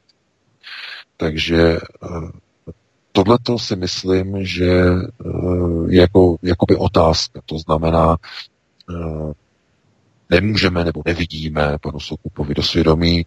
Každopádně on fungoval v, médii, v médiích a na mediálním trhu daleko předtím, než přišla vlna alternativních médií v roce 2014, kdy to nastartoval. Co vlastně vyletělo, jak se říká, eh, k pozornosti nebo do médií. Takže dlouho předtím on vydával časopis Týden, Eh, další časopisy. Eh, jeho Imperium Empresa Media bylo známé dlouho, dlouho předtím a tam se tehdy nezdálo, že by dělal něco do alternativy. To byl spíš bulvár, automoto, rubriky, reví a tak dále, a tak dále. To znamená, moc tam jako ty alternativy nebylo, ale zkrátka TV Barandov dnes má jednu nepochybnou funkci, nebo ne, nebo nespochybnitelnou funkci a že dává prostor alternativním politikům, anebo minimálně politikům, kteří tvrdí, že jsou alternativní. No, aby jsme byli přesnější. No a tím je to jakoby dané a uvidíme, jestli to někomu pomůže. No, protože samozřejmě, že je otázka, uh, jestli Některé formáty pořadů jsou šťastné, třeba bychom je pojali nějak jinak, kdybychom je dělali my, ale je to televize pana Soukupa, my rozhodně nemůžeme jako radit, jak má dělat svou práci. Takže já bych tady to uh, vlastně by, uh, ukončil a dal bych prostor, prostor ještě jednomu volajícímu, pokud máme. Já bych jenom připomněl, že mám tady smlouvy a aktuálně to zpracovávám. Bude to teda pecka. A smlouvy mezi společností Média a Média Interactive AS, obě jsou to akciovky, obě patří uh, spolumajiteli panu Soukupovi, u té média ještě Marcela Hrdá. Marcela Hrdá to je zase věc uh, odchovance a tak dále. To tady nebudeme rozebírat. Každopádně tyto společnosti spoluvlastní uh, většinového podílu Jaromír Soukup a tyto uh, si nechávají vysílat takzvaná obchodní sdělení, respektive product placement na české televizi. Uh, Eh, jedna smlouva je za 5,6 milionů dokonce. Plátce je Česká televize, objednavatel je právě média a eh, Jarmíra Soukupa a takto probíhají kšifty mezi média, společností média, média Interactive, eh, Jarmíra Soukupa a Českou televizí. A aktuálně to zpracováváme, já jsem to ještě poslal eh, jednomu, nevím, jestli můžu jmenovat nebo ne v tomto pořadu, pokud by si to přálo, tak dále, radši ne. Eh, člověku, který je odborníkem na českou televizi a sledují dlouhodobě, tak uh, my to vyhodnocujeme ještě, ale to bude pecka, jako jo, jestli, jestli se to ukáže. Ale, ale mimochodem minimálně prostě soukup uh, v rámci společností Media, Media Interactive AS kšeftuje s českou televizí v milionových částkách, jo, takže peníze, prachy opravdu nesmrdějí. A když se jedná o prachy, prostě tak uh, velcí borci, kteří na sebe čtí sílu na obrazovkách, tak se potom ve finále spojí v rámci kšeftu, v rámci biznesu. Prostě tvrdý biznis je tvrdý biznis, přesně jak si VK říkal. Takže půjdeme na další telefon. Tak, eh, prosím, máte prostor ještě poslední otázku položit. Tak, Dobrý večer. Rychle. Dobrý večer, eh, zdravím vás všechny Marie. Eh, mám otázku ohledně Karla Gota a to, že jeho žena Ivana Gotová Eh, si na, Facebooku, na Facebooku už proslýchá, že se chce vystěhovat do Ameriky. No, kvůli klidu, tak OK. Ale já mám dotaz na pana VK, jestli si myslí, jenom teoreticky čistě, jestli tam bude mít více klidu, jako tím, že ta země je tak veliká a nebude ju tam někdo znát, nebo jak, je to dobrý nápad, nebo ne. Nebo já, já na tím tak přemýšlím. Tak děkuji. Ráda bych chtěla, aby mi pan VK nějak pomohl s tím. Děkujeme, dobrý večer. Hm, mějte se krásně taky. za dotaz. Já bych na tady to odpověděl jedním výrokem od Valdemara Matušky, protože jeho se ptali v roce 90, eh, byl ten rozhovor, no to už je tě, no 30 let skoro. A tam se ho právě ptali na tady tu otázku, že jako když se tam přijel, tak jako kolik lidí vám, jako tohleto, že eh, kolik vás tam, protože oni samozřejmě s paní Plechovou, nebo z jeho, nebo z jeho manželka samozřejmě spolu zpívali, eh, tak eh, když tam emigrovali do Ameriky, tak potom, když byla revoluce a on se vrátil, tak oni se ho ptali a on na tady tu otázku odpověděl, že, že já jsem se zhrozil, že můžu tam chodit úplně svobodně a nikdo mě nepozná. Tak na to odpověď. Jo. No, ale to, má, to mělo právě dvojitý význam. Ano, nikdo vás tam nepozná, protože nikdo o vás neví. Nikoho nezajímá. To znamená, zpěvák sebeslavnější od někud z Československa nikoho nezajímá v Americe. Nikdo vás nezná. To znamená, pozor, s výjimkou, že jste mediálně vybraný kádr, kterému udělají americká židy kontrolovaná média velké mediální nalejívací prom. Jako udělali v roce 90 z neuznanému dramatikovi Václavu Havlovi. Jeho fotka běžela v amerických médiích, v americkém tisku, americké televizi od rána do večera. Během několika hodin celá Amerika viděla, kdo je Václav Havel. Tím je to dané. To znamená, eh, že oni tam, pokud se tam odstěhují, a já jsem o tom psal v článku, protože to byla informace, kterou uveřejnila eh, televize Nová eh, ze zdroje bulvárního denníku Extra, takže ano, je to možné, že to tak dopadne a že opravdu se odstěhují, aby měli klid. No, po těch výrocích uh, jen sotva dva dny po smrti Karla Gota se jim ani nedí. To je něco neuvěřitelné. Takže ano, chtějí klid uh, na život, protože jejich život bude jiný bez Karla Gota jednoznačně. A chtějí, předpokládám, že chtějí žít své životy. Nechtějí, myslím si, že Nemůžu mluvit za ně samozřejmě, pro boha to ne, ale dovedu si představit, že minimálně ty dcery, ty mladé děti uh, Karla Gota, že nebudou chtít žít ve stínu svého otce uh, s takovým tím přívlastkem. Uh, toto je Charlotte Ella Gotová, dcera slavného Karla Gota. Někomu to nevadí, ale lidé, kteří mají nějaké vlastní ambice, tak nechtějí mít tady ty přívlastky po celý život, že je něčí dcero, nebo že je něčím synem. Co znamená mít vlastní život a trochu jako se odpoutat od uh, otce, uh, jít si svojí cestou vlastním životem. V České republice by to nebylo možné, samozřejmě. To by nebylo možné. Kamkoliv by Ivana Gotová přišla, uh, bylo by hned na talíři bývalá manželka zesnulého Karla Gott. A uh, takhle by ji oslovovali za pět let, za deset let, za dvacet let a i za 50 let, až úplně zestárné, by ji oslovovali bývalá manželka Karla Gott. Ne každému to vyhovuje. Uh, někdo by si v tom samozřejmě liboval, ale pokud někdo má nějaké vyšší ambice, nebo aspoň nějaké ambice, tak zkrátka chce začít nějaký podstatě nový život a z, pozor, ještě jeden, jedna, jeden důvod, jedna příčina, e, že Praha, ta zlatá Praha Karla Gota, to je, bylo konec konců jeho slavné album, že Zlatá Praha z roku 69. Doufám, že to teda říkám správně, že to bylo vánoční album Zlatá Praha 69. Uh, tak uh, dovedu si představit, že po smrti Karla Gota ta budova ta vila na Bertramce by Ivaně neustále zemřelého Karla připomněla.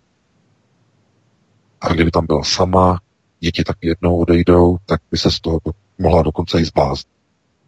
Jo, protože to tak samozřejmě psychicky jako působí. To není žádná legrace, protože máte vilu, která stělesňovala Karla Gota, teď vy ho tam vidíte všude.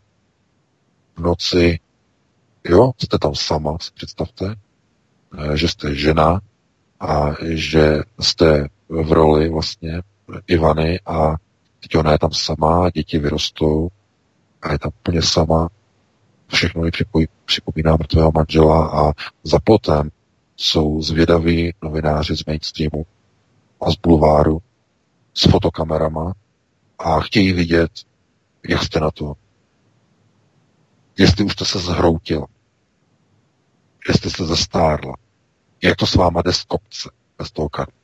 A potom to dá na titulku a pořádně to rozmáznu. Podívejte se. Podívejte se, jak šla dolů. No takhle funguje bulvár, samozřejmě. A Ivana asi tuší, kam to, kam to míří, takže radši chce zmizet s rodinou. Já jí to totiž nemám za zlé, vůbec ne. Chápu, rozumím tomu. Tohle to by totiž položilo daleko silnější ženský, určitě jednoznačně, protože tohle je ztráta vlastně eh, nejenom manžela, ale doslova legendy, pěvecké legendy, eh, která i po smrti bude přitahovat pozornost na své okolí, to znamená na pozůstalé, bude přitahovat obrovskou pozornost. Takže já proto mám porozumění, chápu to, no a ještě jednou tedy závěrem znovu posílám tedy eh, kondolenci a eh, vyjádření přímé soustrasti rodině eh, po Karlu Gotovi.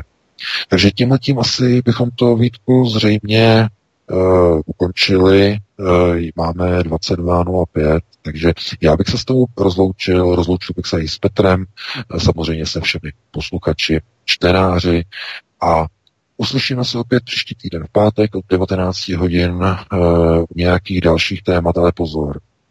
Asi to zase nebudou veselá témata, protože příští pátek bude oficiální rozloučení na Žofíně právě s Karlem Kotem. Já budu zvědavý, jestli České dráhy vypraví speciální a zvláštní vlaky z celé republiky. Je to výzva, kterou vlastně jakoby posíláme Českým dráhám.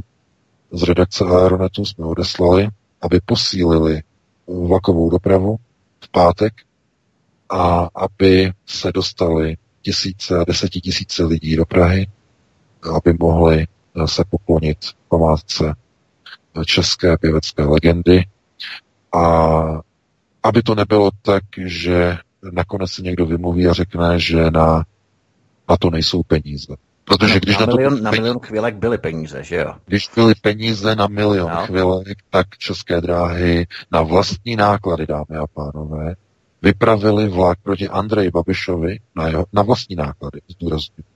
vypravili vlak na demonstraci na letné proti Andreji Babišovi přímo do Prahy z celé. Tohle to zkrátka bylo přes čáru. A když tedy oni to udělali, očekáváme, že české dráhy vyjádří alespoň omluvu národu za tu skandální demonstraci tímto způsobem, že stejně tak vypraví vlaky v pátek na to, aby lidé se mohli z celé republiky dostat do Prahy a e, přijít na Žofín do paláce a přinést kytičku a e, poklonit se Karlu Gotovi. No, uvidíme, nemůžeme očekávat samozřejmě zázraky českých drah, že protože i tam hraje velkou roli politika, různé, různé tlaky a různé lobby, ale každopádně pokud by se ukázalo, že by to šlo, tak by to bylo velice pěkné a myslím si, že ta návštěva Karla Gota by mohla být vyšší než na letné, než nějakých 200 tisíc lidí, eh, nebo kolik jich bylo, nebo 150 tisíc. Myslím si, že klidně i ten jeden milion lidí by mohl přijít v pátek na Žofín. Milion lidí.